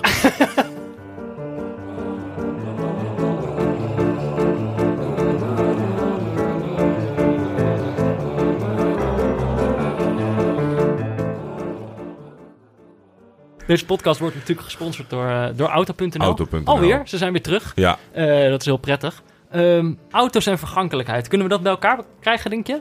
Wat, Ja, voor, wat voor auto hadden jullie vroeger, Jordi? poeh. Er is er eentje heel erg bijgebleven. Dat is een Toyota Celica. En ik, ik, ik, ik weet niet zo heel veel van auto's. hè. Zeg qua inhoud al helemaal niet. Maar er heeft altijd bij ons thuis een foto van mij gestaan. Staand op de stoel. zoals de grap ooit van René van der Gijpen over Snijder. Als Ah. heel klein kindje eh, met het Toen raam open. En de- daar stond ik eh, achter het stuur. Dus die auto is eigenlijk eh, de rest van mijn leven bijgebleven. Maar die is ook wel goed vergeten, kan ik je vertellen hoor. Ik denk als je nu op straat twintig mensen gaat vragen wat een Toyota Celica is, Hmm. die gaan het niet vertellen. Mijn ouders hadden een snoek. Ja, heb, heb ik even moeten opzoeken. Een Toen, snoek. ja, toen ik op zag, dacht ik ook, ja, natuurlijk ken ik hem. Ik wist niet dat het een snoek heette. Citroën DS. Bijna het cliché van vergeten auto's, volgens Ja. mij. Voor zover ik iets weet van auto's. Maar dat is nog net Een snoek. En, en, en was ook niet de enige in de familie. Er waren nog twee andere, volgens mij vijver. broers. die- een hele school. eh vol snoeken. Maar dat was dan, ja, als we dan een, een, een- Weet je, wel, als we met de familie iets gingen doen, dan dachten mensen in de omgeving, dachten dan waarschijnlijk altijd dat, dat we een Club. Clubje, een clubje van waren. snoek Ja, liever. maar ja, dat, eh, ja. Zoals wij allemaal voor de buis gaan zitten bij, bij een voetbalwedstrijd, eh, gaan sommige mensen in identieke auto's rondjes Ja, rijden. ja, kan gewoon. En daar is niks op tegen. Nee, nee, nee. Mag, Misschien is er wel een soort Ik boek. ga niet mijn eigen ouders zitten. Misschien is er wel zo'n boek over auto's. Vast, vast Ja, wel. zeker. Ja. Maar Snoek, ik weet niet of, of die vergeten is. Want Frank wist dus wel meteen wat dat was. Eh, Ik heb er geen beeld bij hoor, maar het is Hm. zo- zo- zo'n Nee, goed, goed, goede misschien is wel alleen de naam vergeten. Iedereen, Snoek. Ik denk iedereen van een bepaalde leeftijd die die auto's ziet, die denkt, oh ja, die ken ik wel. Snoek. Zonder te weten wat het is. Daarna hebben ze volgens mij ook nog een BX gehad. En dat is echt een soort... Hij was volgens mij wel grijs. Maar je had hem dus ook nog in het rood. En dat is echt een soort Bassie en Adriaan. Had je van die je koplampen met wimpers? met wimpers. Ja? Nee? Ja, en een man in een blauw pak. op de bijrijdersstoel. Eh, nee, maar ja, dus... eh, kijk, die auto's, dat zijn allemaal... Nu hebben ze gewoon... Nu hebben ze gewoon een normale auto. Niet eens, die heeft niet eens een bijnaam, weet je wel. Het is, niet, het is geen snoek of zo. Het is gewoon een auto. Dus die Ja. dingen gaan ook allemaal voorbij. Dus als we het dan over vergankelijkheid hebben, Jordi. Ja, dan, eh, Je, eh, je moet, soms moet je gewoon een nieuwe auto. En als je dan een nieuwe auto moet hebben, dan, dan moet je bij auto.nl dan moet je zijn. bij auto.nl zijn. Dat is dus een, een website. Je kan daar nieuwe auto's kopen, Ja. eh, private leasen en gebruikte auto's kopen. En het is dus eigenlijk, het is hetzelfde als dat je online een pizza bestelt, maar dan een hele dure pizza Ja. waar je in kan rijden. Dat is eigenlijk het idee. Wordt hij ook gebracht door iemand op een scooter? Dat lijkt me echt te gek. Nee, hij, wordt, mij- hij wordt netjes voor de deur eh, gebracht, maar diegene rijdt wel zelf in jouw auto naar de deur. Ja, die Ja, gaat en dan, dan weer naar lopen huis, ja. dan lopen naar huis. Het zou wel leuk zijn als ze gewoon voor het idee gewoon een regenjas aantrekken en een helm opzetten als ze bij je aanbellen. Hey, maar mocht je hier nou interesse in hebben, eh, dan kan je een kijkje nemen via auto.nl slash neutrale kijkers. Want dan weten ze ook dat je via ons komt. Dat is voor ons dan weer Dat commercieel is handig. veel belangrijker. Dus ja, kijk er eens op auto.nl slash neutrale kijkers. Zo moeilijk is het niet. Oké, Ja, Frank, we- net maakten we al voorzichtig het stapje. Ja, Wilden we, we wilden dus die blik die in dit boek zit naar de levens van vergeten voetballers, Mhm. wilden we eigenlijk een beetje eh, wilden we, kijken, wilden we kijken van hoeveel invloed heeft dat nou op het nu. Ja. En kun je ook dus nu, eh, net zei je al van dat dat eigenlijk heel lastig is om naar spelers te kijken en al te weten of ze ooit vergeten zullen gaan worden. ja. Eh, maar je kan inderdaad wel zien van deze jongens hebben misschien een beetje de eigenschappen die, die nodig zijn. voor Nou ja, je zou wel, je kan natuurlijk wel zo kijken. Het is alleen de, de vraag of het uitkomt. Maar ja, de vraag is of dat erg is natuurlijk. Ja. Je kan sowieso met die blik wel naar een wedstrijd is er, kijken. is er een klein beetje een, een, een parallel ontstaan tussen al die verhalen. Een heel klein dingetje waarvan je zegt van nou, als je, als je, als je dit facet beheerst, maak je groot kans om, om vergeten te raken. Goeie vraag. Eh, nou ja, dus sowieso niet... eh, Niet eh, heel goed zijn. Niet super goed zijn. Hoewel er ook gewoon internationals in staan en eh, mensen die WK-finales hebben gespeeld. Eh, dus dan, dan, dan is het aan te raden om echt met nog met een fors, fors tweede deel van je leven op de proppen te komen. Dus of president te worden of, Ja. eh, eh, of in de drugshandel te gaan. Een van de twee. Of een combinatie van die twee. Dat komt ook voor. Mhm.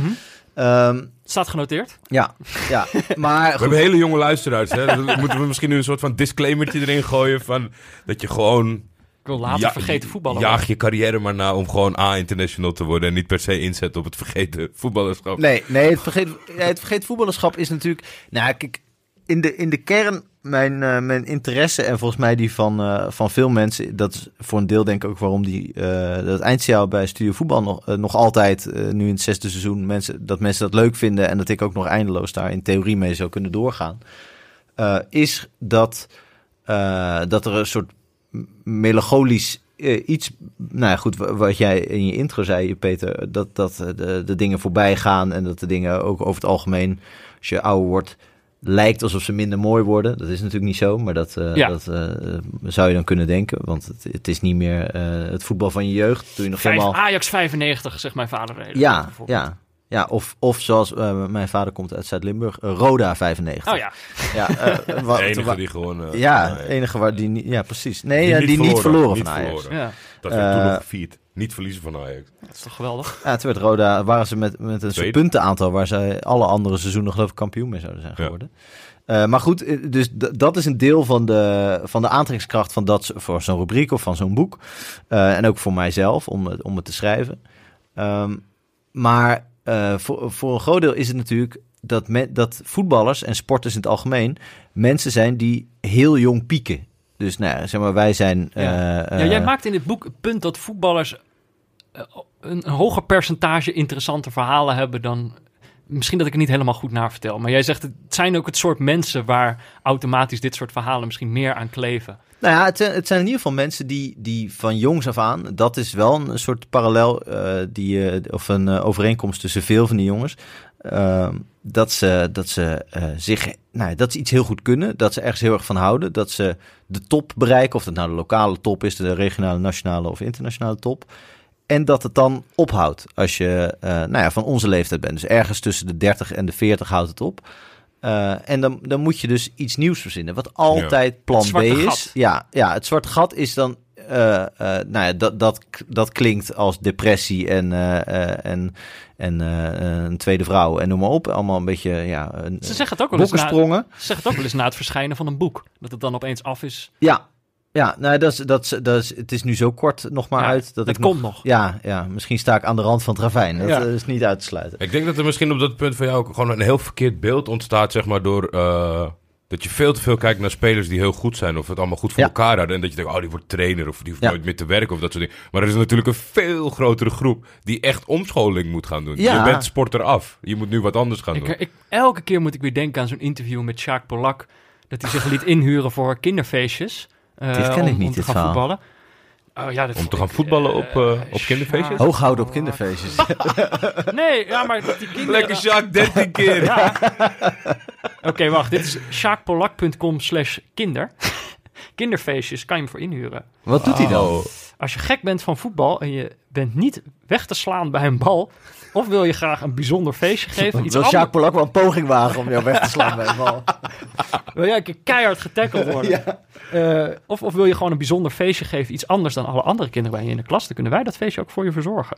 Nou, Oh, maar is hij organiseert Polak. gewoon kinderfeestjes. Het is gewoon, een, ik denk gewoon een soort Voetbalfeestjes. Ja, maar ja, Leuk, maar feest. feesttraining Er was, eh, er was een interview, interview met hem een keer waar, eh, waarbij ze dus meegingen naar zo'n kinderfeestje. En, en hij is dus op, op een gegeven moment in zijn carrière heeft hij op het punt gestaan om een groot contract te ondertekenen. Volgens mij toen hij bij Twente zat. Ja. zou, kon hij een hele grote stap maken naar Polen, geloof ik, zoiets. Miljoenencontract is niet doorgegaan. Eh, en dan dus zeg maar eh, is je carrière op een gegeven moment afgelopen en heb je gewoon net niet genoeg geld om Nee, rond te om komen. uit te. En dat was een van de eerste keren dat ik me ook realiseerde zo van ja, wat ga je dan doen? Ja. Weet je, er zijn het- zoveel voetballers die niet genoeg hebben. Nee, het grappige aan, aan Jacques Polak is natuurlijk iemand die wel een zekere bekendheid heeft qua naam. En Ja. dat hij een leuke spreker was. En ook wel een soort van bijzondere voetballer. Nou ja, dat is iemand waarvan je eigenlijk... Dat is eh, misschien wel een uitzonderlijk geval. Want daar kon je echt tijdens zijn carrière al zien van... Dit wordt een Ja. schitterend, eh, Daar komt- schitterende daar vergeten nog voetballer. een mooie tweede, Ja, ja, tweede leg aan Ja, eh, in ja. zijn carrière. De kans dat hij gewoon heel saai bij een, eh, bij een kledingmaatschappij of zo, weet je wel, bij zo'n sportkleding vertegenwoordiger zou worden, dat zat er gewoon niet zo in. Omdat hij gewoon een heel kleurrijke figuur leek. Ik ken hem niet persoonlijk, maar zo leek hij in ieder geval wel.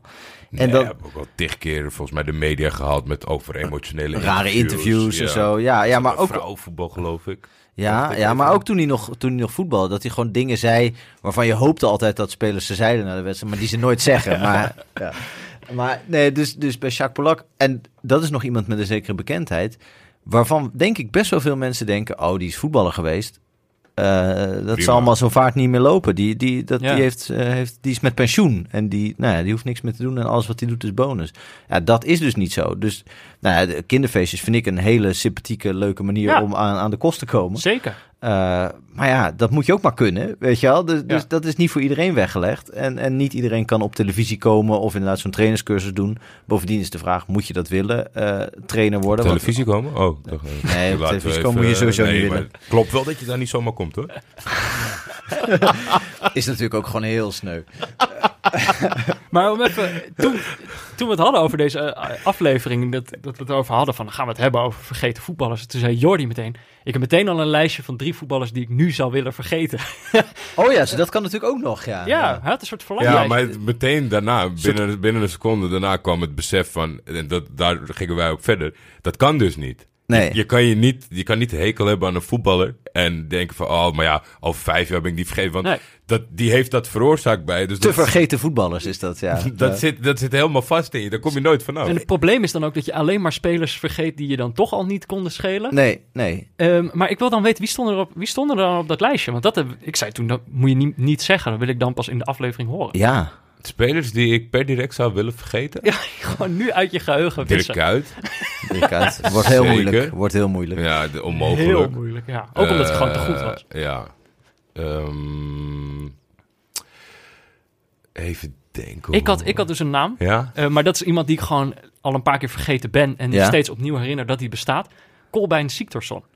Ja, zo kort geleden nog maar. Ja, Ja. maar dat is dus bizar. Ik heb gewoon echt al twee of drie keer gehad dat ik dacht, oh ja, Ja, ik, oh ja, die, die heeft gewoon nog, maar inderdaad, die heeft gewoon nog bij Ajax gespeeld. Die Dat is heeft een krankzinnig gebrek aan charisma waarschijnlijk. Ja, eh, dat is dus wel een beetje het ding. Dat is typisch zo'n speler die je dus wel de hele tijd vergeet, omdat hij gewoon, waar moet, waar moet ik hem aan Zo herinneren? dan? alledaags eh, was. Ja. Ja, en omdat hij, Ja, niet- andersom, andersom weet ik, Colbein neemt het bloed serieus. Want die achtervolgt mij echt continu. Ik, kom er zo, ik zou graag een beetje willen meevergeten. Maar of hij tekent een contract bij Galatasaray en komt nooit opdagen.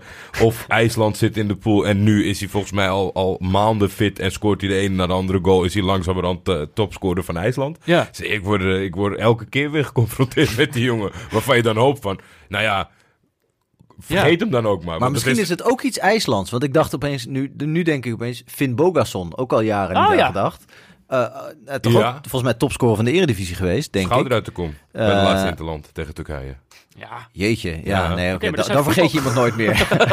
en die jongen van AZ, die Amerikaans Greta paspoort had.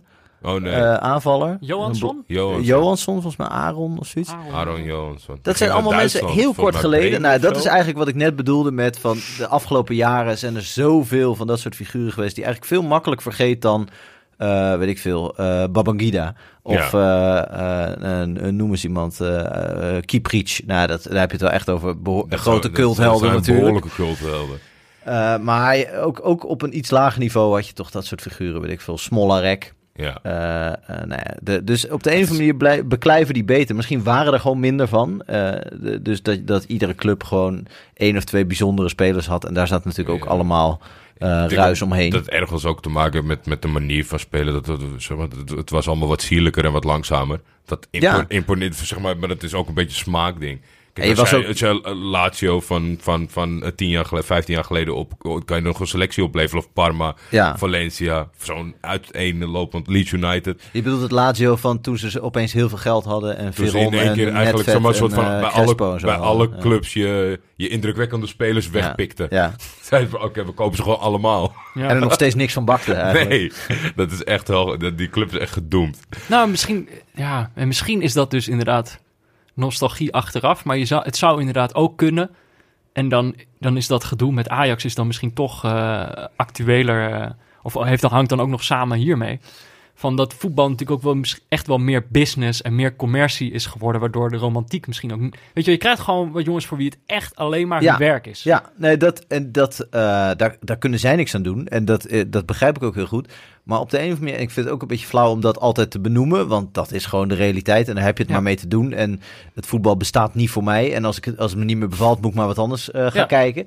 Maar het is natuurlijk wel zo, als je, dat, dat, dat speelt wel. Dus, dus zo'n Siktorsson, die- daarvan heb je gewoon nooit gedacht... oh ja, maar dat is, dat, is, eh, dat is iemand die jarenlang in de eredivisie een beetje rondloopt... en langzaam een beetje Nederlands leert en een beetje zo... Snap je? De- Ja. de- je hebt helemaal geen tijd om aan hem, aan hem te wennen eigenlijk. Ondanks dat hij misschien waar. wel een jaar of drie, vier in Nederland heeft gevoetbald. Maar het is toch, je hebt, je hebt nooit die binding gekregen. Die, je misschien heeft het te maken ook met gewoon ouder worden. Hè? Ik bedoel, Ja. toen ik twaalf was, Ja. had ik gewoon het idee dat ik met al die Eredivisie-spelers een persoonlijke band had. En dan dat, duurde zo'n seizoen ook zoveel langer. Ja, ja, 73 wedstrijden was dat al. Heel lang. Ja. Duurde gewoon Ja, dat is natuurlijk omdat er zoveel voetbal is. Dus je hebt iedere Ja. dag de, ke- de keuze uit drie wedstrijden... waarvan de Eredivisie vaak de minst aantrekkelijke optie is. Eh, Dus we zijn eigenlijk juist meer spelers aan het vergeten. Dat denk ik wel, ja. Ja. ja. Nee, want al die, die Engelse voetballers uit de jaren negentig, die, die herinner ik me niet meer. Eh, of, want die, die heb ik nooit zien voetballen. Nee. Maar, maar toen was het gewoon de eredivisie, was het gewoon zondagavond. En daar, daar moest je het een beetje mee doen. Ik heb dus op een of andere manier allemaal heel sterke herinneringen aan. Zo, dit klinkt allemaal eh, heel erg eh, bejaard. Maar goed, ga verder. Dat RTL 5 had op een gegeven moment een tijdje Duits voetbal. Duits voetbal. En volgens mij ook wat Engels zat er ook bij. Huub Stevens, dat is zoveel. Die, Dus op zaterdagmiddag of zo. Of wat was het, eh? Maar dat was, Volgens mij het- was het Engels en Duits. dat was Met, een eh, seizoen waarin Werder Bremen heel erg goed was en heel lelijke shirts had. Die heel strak zaten. En toen hadden ze ook Ja, Ailton, Papa. Ailton. Ailton. Ja, ja. die, die behoorlijk fors was. Ja. En dat hele strakke shirt aan had. Nou, Ailton is op een of andere manier ook... Die was dat ene seizoen echt fantastisch. Ah, die heeft veel doelpunten gemaakt, hoor. Ja. ja. Ja. Maar dat is ook iemand... Ik bedoel, ik zou ook niet weten wat die nu aan het doen is. Nee, nou ja, Volgens mij was hij bij de afscheidswedstrijd van Van der Vaart. Was hij echt volgens mij- waar? Volgens mij hij wel. binnengetakeld waarschijnlijk. Zo. Dat moet ik even opzoeken hoor. Heeft hij Ja. nog... Maar als wat dan? Eh, voetbal. Als voetballer wel. Bundesliga legend. Ja. Ja, ja, ik Ze hebben het. niet samen gespeeld, denk ik. Eh, God, ja, dan moet ik het Nou, allemaal weer live. Ailton, Heeft hij ook eh, bij misschien nog Hamburg- een keer- Hamburg ja, gespeeld, Een keer verdwaald. eh, hij is naar best Zo, die heeft van een lijst hoor aan clubs. Turkije is hij geweest. Oh mijn god. Nou, als je het nou hebt over Bundesliga Legends... Ik, ik weet niet of hij nou, bij Werder Bremen... Ik weet niet, voetbalt hij nou nog steeds? Pizarro? Claudio Pizarro. Ja, volgens mij wel. De, ja, Die is Ja. 42 de of zo. Toor-opa of zo Tor- die. Dat is Ja. echt zoiets. Heeft hij Die ook heeft bijna. gewoon 20 jaar lang in de Bundesliga gespeeld. En Ja. altijd scoren. Maar in die categorie, dus Ailton staat, staat niet in het boek. Maar Alex Alves eh, staat er dan wel in. Want dat was ook, die heeft Is dat ook een soort Ailton? Nou, in die zin dat het, dat het in diezelfde periode zo'n Braziliaanse ster Oh. bij een... eh, eh, bij een Bundesliga-club was. Die dan heel veel geld verdiende en zich een beetje misdroeg. Ik weet niet of dat voor Ailton gold, maar het gold in ieder geval Alex Alves. Vast wel. Marcelinho had je ook. Marcelinho, ja, ja, dit- die- te samen bij Hertha. Samen, Ja, ja, ja, ja, ja. Ja. En Ja, Alex. Alves was zo iemand die dan, eh, nou ja, goed, die, nou, die zich eigenlijk ook niet kon aan, die, die gewoon heel veel geld had, in zijn eentje in Berlijn zat en dan de hele tijd met zijn bontjas eh, eh, door de stad zwalkte, omdat hij eigenlijk niet wist, wel een bontjas, maar ook zijn ziel onder zijn arm, zeg maar. Eh, dat, Ja. dat is natuurlijk Ja. ook wel een, Toch als je het hoort, dan denk je... liever een bontjas. Ja, We dachten toch, kunnen we ik niet... zou prima met een bontjas door de stad kunnen dwalen als ik heel veel geld had. Maar nu is het meer Ja, van, ja, ik ga maar op zitten podcasten. Misschien het, het, het hedendaagse equivalent daarvan. Anders had Alex Alves gewoon een podcast. maar we dachten misschien nog een spelletje. Leuk. Toch eh, om een beetje mee te eindigen. Nou ja, niet, niet zo'n voetbalquiz zoals jij. Wie heeft het gezegd? Misschien Ronald is het- of Frank de Boer? Misschien is, Origineel. misschien is het eerder een, eh, een, een, een, eerder een soort oefening. Kijken of we kunnen, kunnen praten over voetballers van nu. Alsof. eh, alsof we ze al vergeten zijn. Ja, ja. En dan, weet je, som, die carrières zijn dan nog bezig. Dus dan moeten we een beetje zo het verloop van zo'n carrière nog een beetje invullen misschien. Ja. Maar ik denk bijvoorbeeld in het Ajax van nu. ja? Daar is, als je daar nu naar kijkt, dan heb je nog het idee van al deze spelers zijn goed. En die zullen goed blijven. En, eh, maar de- je weet gewoon nu al, er zitten een paar jongens tussen die dit nooit meer gaan halen, dit niveau. Ja. Die, die, die gewoon verdwijnen. Eh, en daar we hadden het er dan over, wie zouden dat dan kunnen zijn? Weet je wel, wat zijn dan jongens uit dat team die je dan vergeet? En wat kan dan het scenario zijn waar, waarin je ze vergeet? Ja, het was. Ik, ik denk echt wel dat het bij Ajax lastig is, omdat bijvoorbeeld ook Ten Hag echt wel met een basiself werkt. Ja. Dus je krijgt echt wel, zeg maar, die, die elf in de hoofd. Maar als, je, als ik het nu zou moeten kiezen, met die ook, zeg maar, wel dusdanig betrokken is bij het eerste elftal, dan zou ik nog op Dest inzetten. Ja, Dest heeft nu gekozen voor Amerika. Die wordt zo'n posterchild van het nationale elftal daar, Team USA. Die Ja. heb ik al acht keer zien poseren we met zo'n zijn blij om hem terug te hebben of zo. Ja, misschien eh, omdat Ajax nu eh, volgens mij eh, niks meer aanschaft. Onder de 25 miljoen komt er misschien volgend seizoen wel iemand op zijn plek die, die heel veel kinderen in Qatar aanspreekt. Wat ook belangrijk is voor de club in de toekomst. Ja. En dat Dest eh, met de Masraoui die langzaam terug aan het keren is op zijn positie. Ja. Op de bank belandt. En als posterchild van Amerika dan wordt gelokt. Om Samen met Kelvin Leerdam daar Ja. een beetje... Portland Timbers. En dan lukt het allemaal net niet. Maar jij noemt Masraoui. Zou, zou niet ook juist hij vergeten kunnen worden? Ja, ik zit midden in het levensverhaal van Des. Dan moet ik nu even Masraoui erbij gaan Oh, verzinnen. sorry. Die mag jij dan zelf doen. Ja, sorry. hoe, Nou, hoe moet het mislopen met Masraoui? nou, Ik, ik vind het heel moeilijk in te schatten waar hij na Ajax zou naartoe kunnen gaan. nou, ik denk je... dat weet ik voor iedereen wel, denk ik, ja. binnen Ajax. Maar Maar je- hem vind ik dat heel moeilijk. Je moet... Ik denk dat... eh, ja, je bedoelt of het Vitesse of Bayern München is, Ja, bij wijze van ja. spreken. Ja, maar ik denk dus...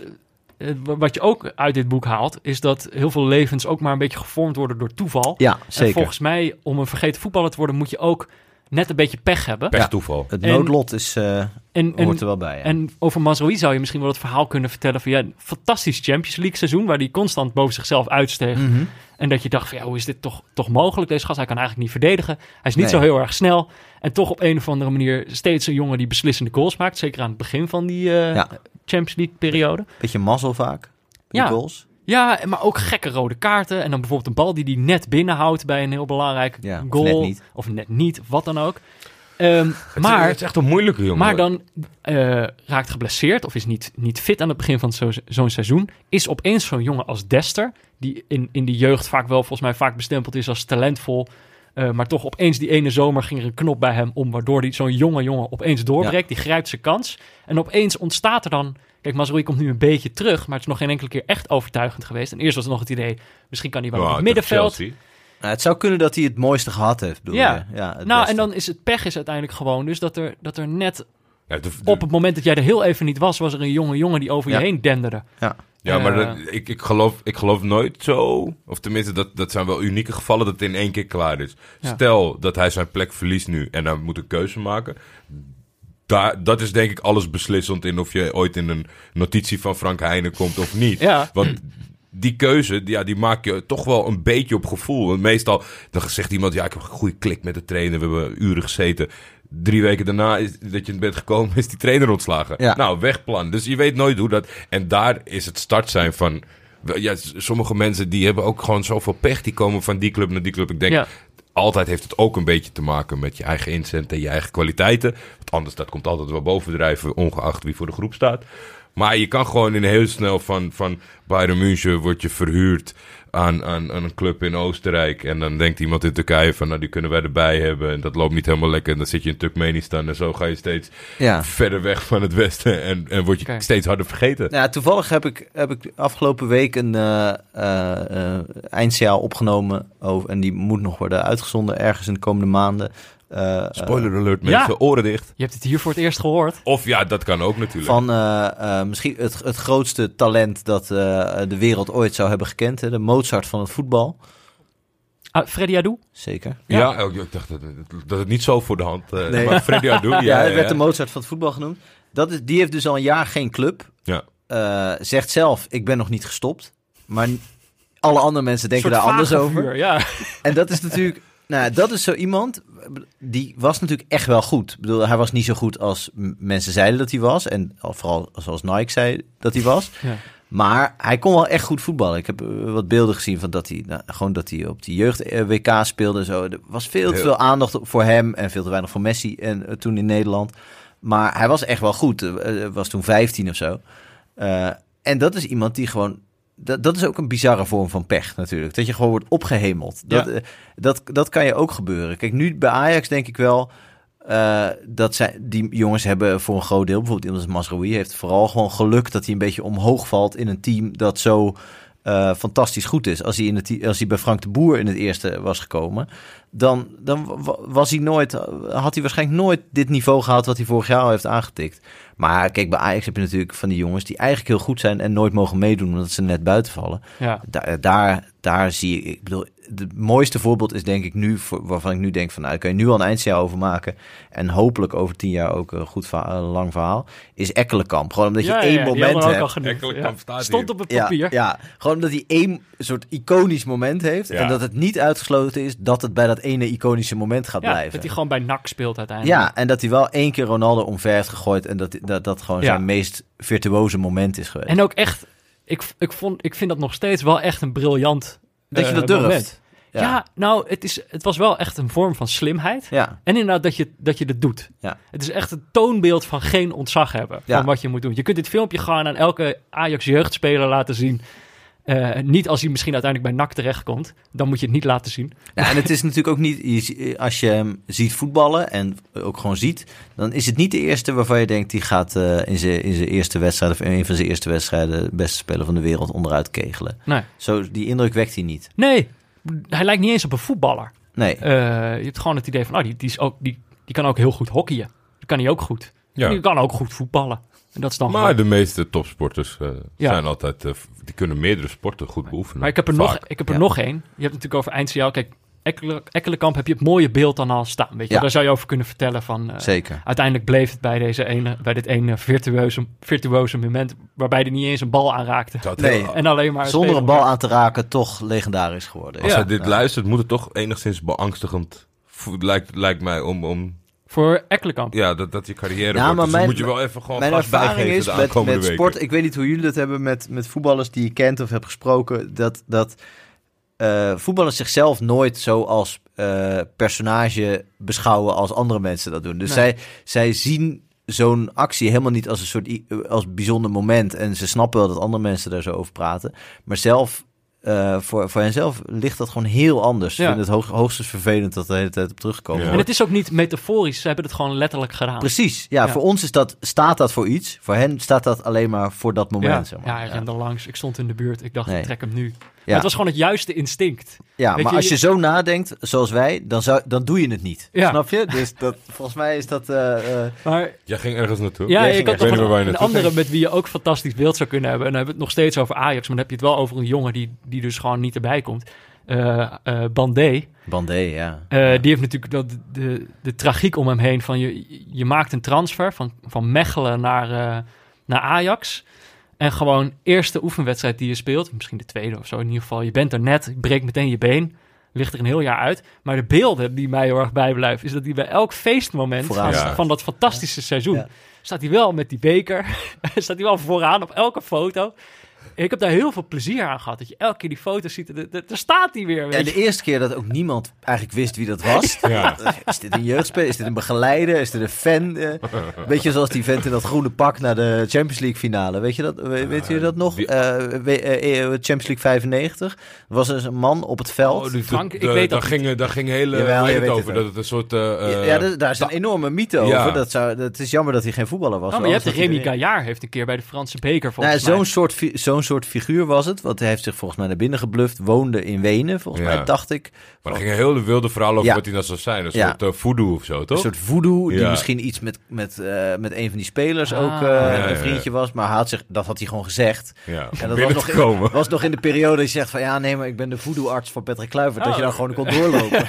Oh ja, dat, dat zit er daar. ja. Kleedkamer Oh 2. ja, onze, onze voodoo-ruimte is daar rechts. Moet u zich nog omkleden of is dit het? Ja, maar dat was dus gewoon Bandé. En nu is het moment. eh, en daarom moet, moet ik nou opeens weer aan hem denken. Hij heeft nu net weer een oefenwedstrijd gespeeld. Doelpunt gemaakt, volgens Doelpuntje gemaakt. En dan is er meteen een interview. En, en het- je voelt gewoon bij alles van ja, het kan gewoon, natuurlijk gewoon helemaal niet lukken. Nee, nee. Nee. die kans is eh, eh, zeer aanwezig Ja. bij hem. Ja. Ja, maar ja, dat, dat- dat is alleen... Dat is denk ik het, het nadeel wat dat betreft op het seniorenvlak. Want de, de, er zijn s- miljoenen kinderen die, die het niet halen, zeg Ja. maar. Maar je onthoudt alleen maar die ene die...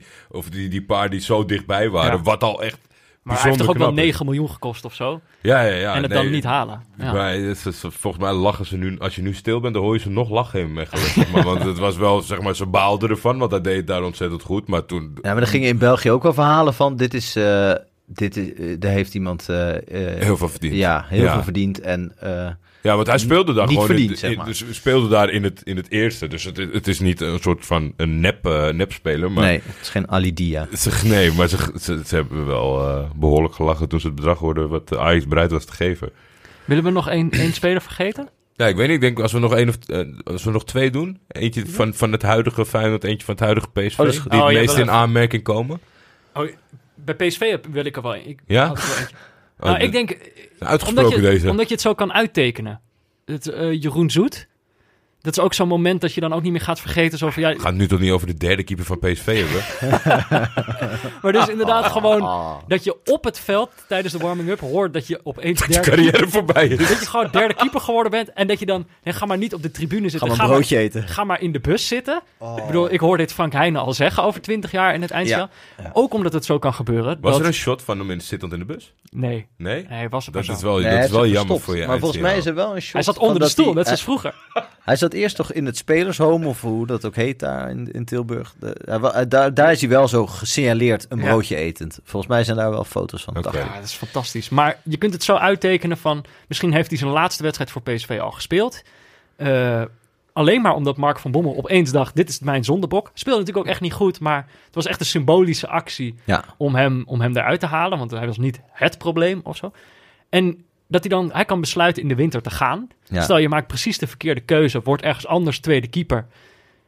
niemand gaat dan nog ooit een compilatie vinden van fantastische reddingen van, van Jeroen Zoet of zo. Nee, het wonderlijke is natuurlijk dat hij nu eh, tweede of derde keeper, of in ieder geval reservekeeper bij PSV is. Dus in de winter gaat er nooit meer. Eh, we- eh, er gaat nooit meer een topclub zeggen: we gaan het proberen met jou, of we hebben snel een keeper nodig. We Het zal wel een reden hebben dat je derde Ja, precies. bent. Dus Ja, het maar is, je, het je is komt een er ook vrij, vrij makkelijk en snel achter wat die reden is. Dus dat is helemaal afschrikkend. ja, ja. Dus dat is wel, dan ben je gedoemd. Want eh, ja, iets, iets leuks zal het niet worden. Maar je wil dan toch niet blijven. Dus dan ga je eigenlijk uit de B-garnituur... Ga je dan eh, tenminste, als het zo loopt... Ja. Hè, misschien herpakt hij zich wel binnen de aankomende Ja. Kan. weken. Kan, want hij zag er... eh, dan ontloopt hij dit boek. ja. En het rare is natuurlijk dat hij, dat, zeker als keeper, heb je daar maar voor een, voor een deel heb je daar iets aan, eh, kun je daar iets aan bijdragen. Want op een gegeven moment doe je gewoon niet meer mee. nee. En als die ander het een beetje oké doet, dan wordt hij niet gewisseld. Je hoeft niet eens he- heel goed te doen als keeper om gewoon te blijven staan. Als je en dan kan je belachelijk slecht doet, Precies, dan ben je wel goed. want Dan hij- ben je safe. Van Bommel gaat het natuurlijk nooit weer terugzetten, want dat, dat, dan is Nee. de verwarring te groot. Dus, dus Zoet, dat is het zo pijnlijk. Als rechtshalf kan je nog zeggen, ah, maar ik ben, eh, hij traint goed, we zetten hem een keer als linkshalf. Weken, weet vier je wel? weken zijn Ja. best gedaan. Ja. Het nog een keer proberen. Dat is bij keepers nooit zo. Dus het is ook zo'n hevige beslissing, die inderdaad een carrière best wel eh, eh, kan slopen natuurlijk. Ja. Dat is echt een beetje het lot van En ook, keepers het natuurlijk. klinkt, het voelt zo als zo'n impulsieve beslissing. Het Ja. is gewoon, Van Bommel heeft Ja. opeens bedacht, deze gast is mijn, is mijn zondebok, hij moet weg. Ja, maar dat is ooit- volgens mij ooit bij Stanley Menzo bijvoorbeeld ook gebeurd natuurlijk. Die één of twee keer zo'n domme fout maakte. Jarenlang gewoon eh vaste keeper van Ja. Ajax. Mensen heel enthousiast. Een Ja. moderne keeper. eh, heel goed voetballen en zo. En opeens stond Van der Sar erin en kon hij, ja, kon hij het verder wel shaken. En heeft hij daarna bij allemaal clubs gespeeld. Is, maar eigenlijk was zijn echte... De opgang was eh, afgelopen natuurlijk Ja. bij hem. Het is echt ook gewoon buiten proportie eh, hoeveel zo'n domper van een keeper invloed heeft Ja. voor je reputatie voor de rest van je, van je leven eigenlijk. Ja. Want het is meer dan je carrière.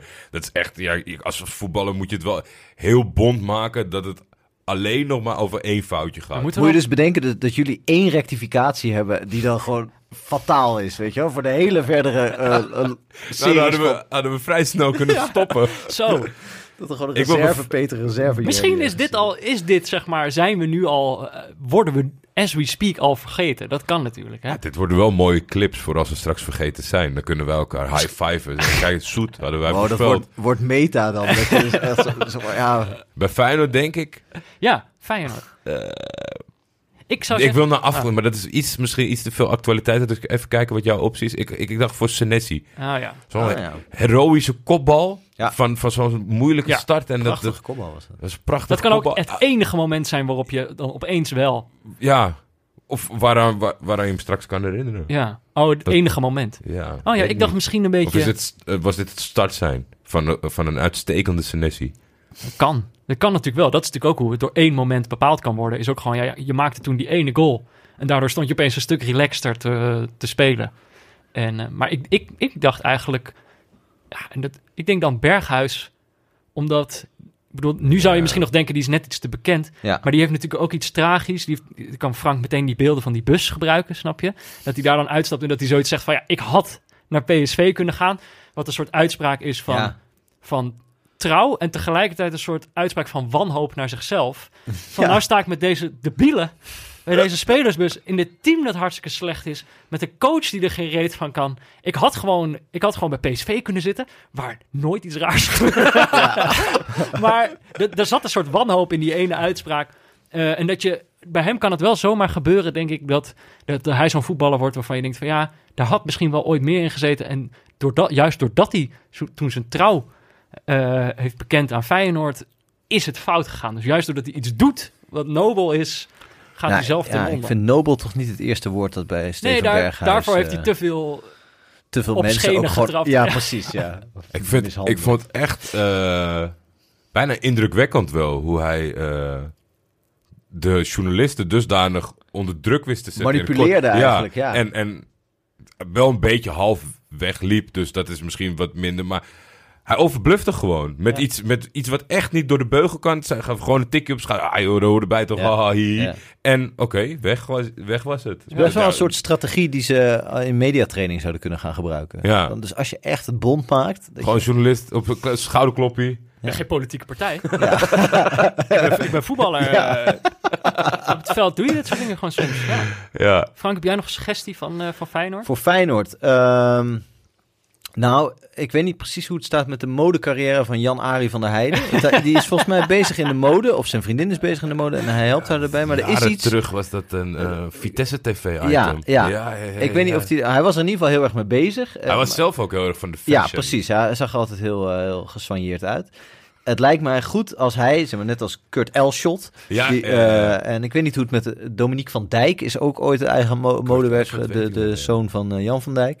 Eh, dat, dat Jan-Arie van der Heijden als eh, gewoon echt een hele bekende modeontwerper hele wordt. Oh. Zo groot dat je, ja, hij, hij was ooit een hele trage verdediger bij Feyenoord. Ja. Weet je, dat is dat, dat mensen denken, nee, dat zal toch wel niet. Als ik hem hier nu door het PC hoofd zie lopen, ja, ja, wel. Heb jij een echte Janari? Nee, Heb jij nou Jan Arie aan? maar Ja. dat kan ik niet betalen hoor, een Janari. J.E. Ja, die zou je... Ja, dat vind ik ook een mooie. Ook gewoon omdat de naam goed is. Ja, dat is ook ja, niet Jan onbelangrijk. Jan Ari is ook gewoon een hele goede, ik wou zeggen tijdloos, maar je zou ook kunnen zeggen archaïsche eh, naam. En dat vind ik ook, vind ik ook fijn. Nou, hebben we nog Nou. maar 15 clubs in de Eredivisie. Ja, Nee, we, we kunnen, met Pek Zwolle, jongens. die- deze namen kunnen we alvast noteren voor, het- voor toch het vervolg waarvan je zegt dat je het niet gaat schrijven. Nee, maar dat Die staan al op een komt. lijstje Ja, precies. hè. Ja. Ja. Siktorsson. Ja, ja, maar dat... dat is- ja, ik, nou, Ja, een boek met allemaal eh, voetballers die Jordi eigenlijk zou willen vergeten. Dat Ja. lijkt me... Ook een goed concept. Ja. Heb je het is, dan ja, maar meer? ik vind het echt wel zielig, want zeg maar, nu, nu die nog voetbalt, blijft hij een beetje op mijn radar. Maar je, je, als zou je het niet willen, zoals wat jou overkomt, dat het niet bewust is, ga je hem vergeten. Maar dat is zo tragisch voor de persoon in kwestie. Ik ga hem nu niet meer vergeten trouwens, omdat ik benoemd heb dat ik hem de hele tijd ga vergeten. Ja. Dan ga ik hem nu juist weer de Nu hele tijd onthouden. Nou, En nu krijg je... Nu dat krijg weet, je dat weet je vanavond Ah, niet meer, hoor. Dit zou echt knap zijn als, als ik inderdaad over een paar jaar op, dan opeens denk... "Ah, Ik heb toen nog gezegd dat ik hem nooit zou vergeten. ja, of is dat er iemand naast je komt wonen. Dat je denkt, ja, er was iets met deze gast. Deze gast. Dat- ja, precies zo. Dat puntneusje een beetje. Ja. Goed voor de goal. Dan zijn we er denk ik wel doorheen, toch? Ook dit is voorbij dan uiteindelijk. Alles gaat wil- voorbij, Peter. Wil jij dan niet, niet nog één ding zeggen over dit boek wat, wat we zijn vergeten... of wat je in andere interviews steeds niet mag zeggen? Eh, nou, wat ik, wat ik niet mag zeggen, of wat ik altijd vergeet, en nu omdat ik zo ontzettend ontspannen ben, eh, Ja. eh, wel, waar ik wel aan denk, is dat het. eh, je, zit met, je, je hebt je s- schoenen uit, benen op tafel. ja, ja, Echt, eh, ja, sorry daarvoor. Dit is, dit Hij is heeft gewoon geen de microfoon in zijn hand, hè. Hij heeft ook- hij heeft gewoon zo'n driepoot, hij heeft gewoon in zijn hand. Dit gaat dag en nacht media veel geld Eh, nee, ja, het is, eh, het is eh, overal te koop. Ja. Dat eh, vergeet ik altijd te Oh, dat zeggen. is een goeie. Ja, ja, nee, hier gaat de uitgeverij heel blij mee zijn. Want dat is, het, is, het heet buiten de lijnen en het ligt overal in de winkel. Ja. Ja, dat is eigenlijk het belangrijkste dat je erover moet weten, want al het andere staat er al in. Ja, En Oh, weet, dat is een je, weet je wat het... Als je zeg maar... Je hebt meestal... eh, een oom of een... Het zijn van, bij die feestdagen is het zo moeilijk. En dan hou je van voetbal en dan krijg je zo'n non-cadeau, zeg maar. Van, biografie van Kruif. ja, of omdat er bij de... Alleen het inlegvel. dat Of de verkeerde. Want er zijn er twee toch op dit moment. Of dat Pieter Zwart heeft verzonnen dat je voetbalsokken krijgt als je de nieuwste Voetbal International koopt. Zeg maar zo'n combi-deal, dan krijg je dat. Superleuk. En dit, dit is gewoon indrukwekkend, want iedereen gaat een beetje onder die boom kijken. Of, Ja. of het is Je hebt sowieso het grootste Je pakketje, hebt sowieso het grootste pakket. Ja. En wat je zegt, het is op, op meerdere, misschien als iemand niet heel vaak leest, dat je denkt van, Ja. "Pah, dat ga ik nooit lezen. Maar die kan het dus gewoon verhaaltje voor verhaaltje. Dus ik denk, eh daar is wel commercieel over Ja. nagedacht. Dan misschien niet over de inhoud, maar wel over de, eh, de tijdstip van het eh Het kan soms, nagedacht. soms kan het inderdaad ook zijn dat je een boek heel- zo leuk vindt dat je er zo hard doorheen gaat dat het ook opeens weer weg is. Ja, Dat is dan ook heel vervelend. Zo van, oh shit, nou heb ik gewoon in één dag een leuk boek uitgelezen. Wat moet ik nou al die andere dagen van mijn leven nog doen? Terwijl bij dit boek ga je dat sleep minder je gauw maanden hebben. met je mee. Ja. Ja. en dan denk je, oh, maar ik heb gewoon nog, ik heb er gewoon nog, ik heb nog twintig voetballers die ik vergeten ben. Voor Ja, wat- en het, eh, als je naast je bed het fungeert je- eventueel bij insluipers heb je ook een wapen. Dus Ja. het, is, het is eigenlijk, het is heel... eh, het is echt Ik zag een foto van je. Hoeveel, die, hoe, hoeveel boeken ben jij hoog? Ik ben 34 eh, eh, volgens mij 36. Oh ja. Zes- 36 Ja, boeken hoog. 36 is hoger dan ik. Dus Oké. ik, Ik vond het wel grappig. Das Mag als die zet erbij van als je raadt hoeveel het er zijn, ja, dan krijg je er één. ja, En dan denk je een beetje zo dat is een grap, maar iemand deed dat en die kreeg toen ook echt een boek opgestuurd. heel goed. Heel ja. goed. Ja, want op zich raden was een... Was Ja, een je beetje- kon ze gewoon tellen. Je kon ze tellen. Ja. Ga jij hem kopen, Peter? Wat? Ga jij hem kopen, het boek? Dit boek, ik heb het al gedaan en ik kan, en ik kan hem endorsen. Dus ik kan eh, tegen mensen zeggen dat ze dat ook moeten doen. Ja, Ja. Ik, had, het was, eh, ik heb een Das Mag boekenabonnement. Oh ja. Ja, en toen zag ik iedereen een beetje leuk doen met die foto van... eh, Paste niet door je brievenbus. Ja, dus dan moest met de koerier komen. Dan mooi eh, twee dagen langer zitten wachten. Moest met zo'n, eh, weet je wel, die ze bij het verhuizen, die ze dan gebruiken. Ja, voor piano's Zo- en, zo- eh, en mijn boeken. Ja. Maar een, eh, stonden ook met z'n vieren voor mijn deur. Zeg, wat gaan we doen, jongens? dus inderdaad, al- alles gaat, alles gaat voorbij, maar met, met dit boek kan je best nog wel een tijdje vooruit. Zeker. Ja, Ehm, kunnen, we Gaat daarbij, langzaam voorbij. ja, kunnen we het daarbij laten? Nou, eh, dan is de eerste echte aflevering van seizoen 4 van Neutrale Kijkers eh, zit er dan op. Fijn. Jordi, fijn hè? Ja, was lekker. Te ging wel goed, toch? Denk het. Goed. Hoop Eh, het. komen, er, komen er een beetje Meestal hele kritische luisteraars, maar eh, dit, is, dit is het geworden. rechtstreeks vanuit de, de studio van Dag en Nacht Media, die nog niet helemaal af is. Nee, Maar maar, dat, er lagen wel, ja. voor iedereen lagen twee eh, snoepjes. Of Ja. chocolaatjes. Ik ga er eentje eten tijdens de afsturing. Ja, ik ook. Lekker. Wat Ik, hebben jullie? ik heb een Milky Way. Oh, die wil ik wel. Ik wil, maar een Milky wil wel ruilen tegen iets anders. Tegen Wil je? Snickers? Eh, eh, tegen alles wat geen Milky Way is. Nou, nou, Snickers dan. Oké. Waarom niet? Wat heb je tegen Milky Ways? Eh, is dat is groot. iets voor buiten de Oh uitzending. ja, ja, ja, daar gaat deze podcast ook helemaal niet over. Gelijk niet. Ehm, nou, de, eh, vanuit de studio van Dag en Nacht Media had ik al gezegd. Gesponsord door Auto.nl. Eh, veel dank natuurlijk aan Barry Pirovano voor de illustratie. Leon Lischner en Friends voor de muziek. De muziek rond de, rond de, de, die in het midden zat, rond de, rond de advertentie, die is gemaakt door Studio Cloak. Ehm, verder natuurlijk Frank, bedankt dat je hier was. Ja, ik vond het superleuk. Jullie bedankt. Hartstikke leuk. Eh, en, en dank ook voor, eh, voor het maken van deze baksteenpil, eh, hoe je het dan ook wil noemen. Ehm, je kan een berichtje naar Jordi of mij op Twitter sturen. de Vef of buurtvader. Liever Oh, naar Peter. Wat is, seizoen 4 ben jij opeens de on- onaardige. ik dacht dat ik de onaardige was. Ik heb mijn dag niet. Ik moet nog, ik moet nog werken hierna. Je kan ook eh, een bericht sturen via de hashtag eh, neutrale kijkers. En je kan natuurlijk ook mailen naar neutralekijkers.gmail.com. Ja, deze week eh, hebben ze het al meteen, naar aanleiding van de uitleg-uitzending, allemaal mailtjes ontvangen. Ja? Ja, Wat hebben ze nog gestuurd? een uitnodiging voor de carnaval derby. Heb je dat niet gelezen? Dat is geen grap. Wat MVV tegen Ja, dat is onder de rivieren, maar wat was het? Jordi, als ik één ding niet met jou associeer, dan is het wel carnaval. Nee, maar ik ben ook niet uit ingegaan. Maar het was wel heel mooi, want er zat een... het was eh, ja, heel vriendelijk, maar er zat een eh, kortingscode bij voor het kaartje te kopen van de wedstrijd. Ah. Ze konden voor 50% konden erheen. Ik heb nog geprobeerd om Tim en Anne erheen te sturen namens ons. Maar dat- die, ja, die nemen niet eens meer op als Dat ik kon- bel. Dat kon niet. Maar mensen kunnen ook recensies achterlaten in een podcast-app. Dat hadden ze wel gedaan, eh, Jordi. Jij, jij wilde ik dat heb niet. geen idee. Jou maakt dat niks Ik uit. kijk daar niet naar. Wacht, ik ga, heel, ik ga er dan wel even eentje... Pak er nog eentje bij. Ik vind je ook zo de persoon er niet naar om daar... eh, om daar eh, ja, warme gevoelens bij te krijgen. Vijf sterren, Jordi. Je kan mij niet blijer krijgen. Dit vind ik zo leuk. Vijf sterren. Maas, Mazers. Had meteen op de dag dat hij, eh, dat al vorige aflevering. Hij zegt eindelijk een podcast over voetbal. ja, Dat toch kennen. leuk. Eh, Staan we nou gemiddeld een 5, 4,9? Ja, ik denk toch dat eh, er, zijn, er zijn haters, maar die zijn niet zo, die zijn niet zo eh, vocaal. Ik vind eigenlijk als je één ster geeft, dan ben, je, dan ben je misschien nog wel meer verplicht om dan uit te leggen waarom. Want vijf sterren, dat geloof ik wel. Eh, Volgens mij hebben we ooit één, toen ik nog wel... Zeg het dan in mijn gezicht, als je één ster geeft. Volgens mij ging het over eh, eh, onze clubvoorkeuren. Oh, de ja. enige keer dat Ja. is afgekeurd. Oh, dat klopt, ja, helemaal niet neutraal. Eh, Hebben we ook nooit gezegd. Goed punt. nou ja, goed. Eh, eh, dan heb ik volgens mij alles gezegd en dan moeten eh, luisteraars één ding onthouden. En dat is dat dit allemaal voorbij zal gaan. Nee, niets van dit alles zal blijven. Eh, tot de volgende keer, Jordi. Dan hebben we een nieuwe gast. Ja. We gaan nog niet verklappen welke toch, dan komen ze vanzelf. Eh, Of wil je het wel verklappen? wil ik het verklappen? Nee joh. Nee. Nee, joh. Nee. Merken mensen Hij ligt in de clinch met de foundation. Oh, oké, Wie niet? tot de volgende, Jordi. Tot de volgende. ik was even vergeten dat we altijd eh, afsluiten.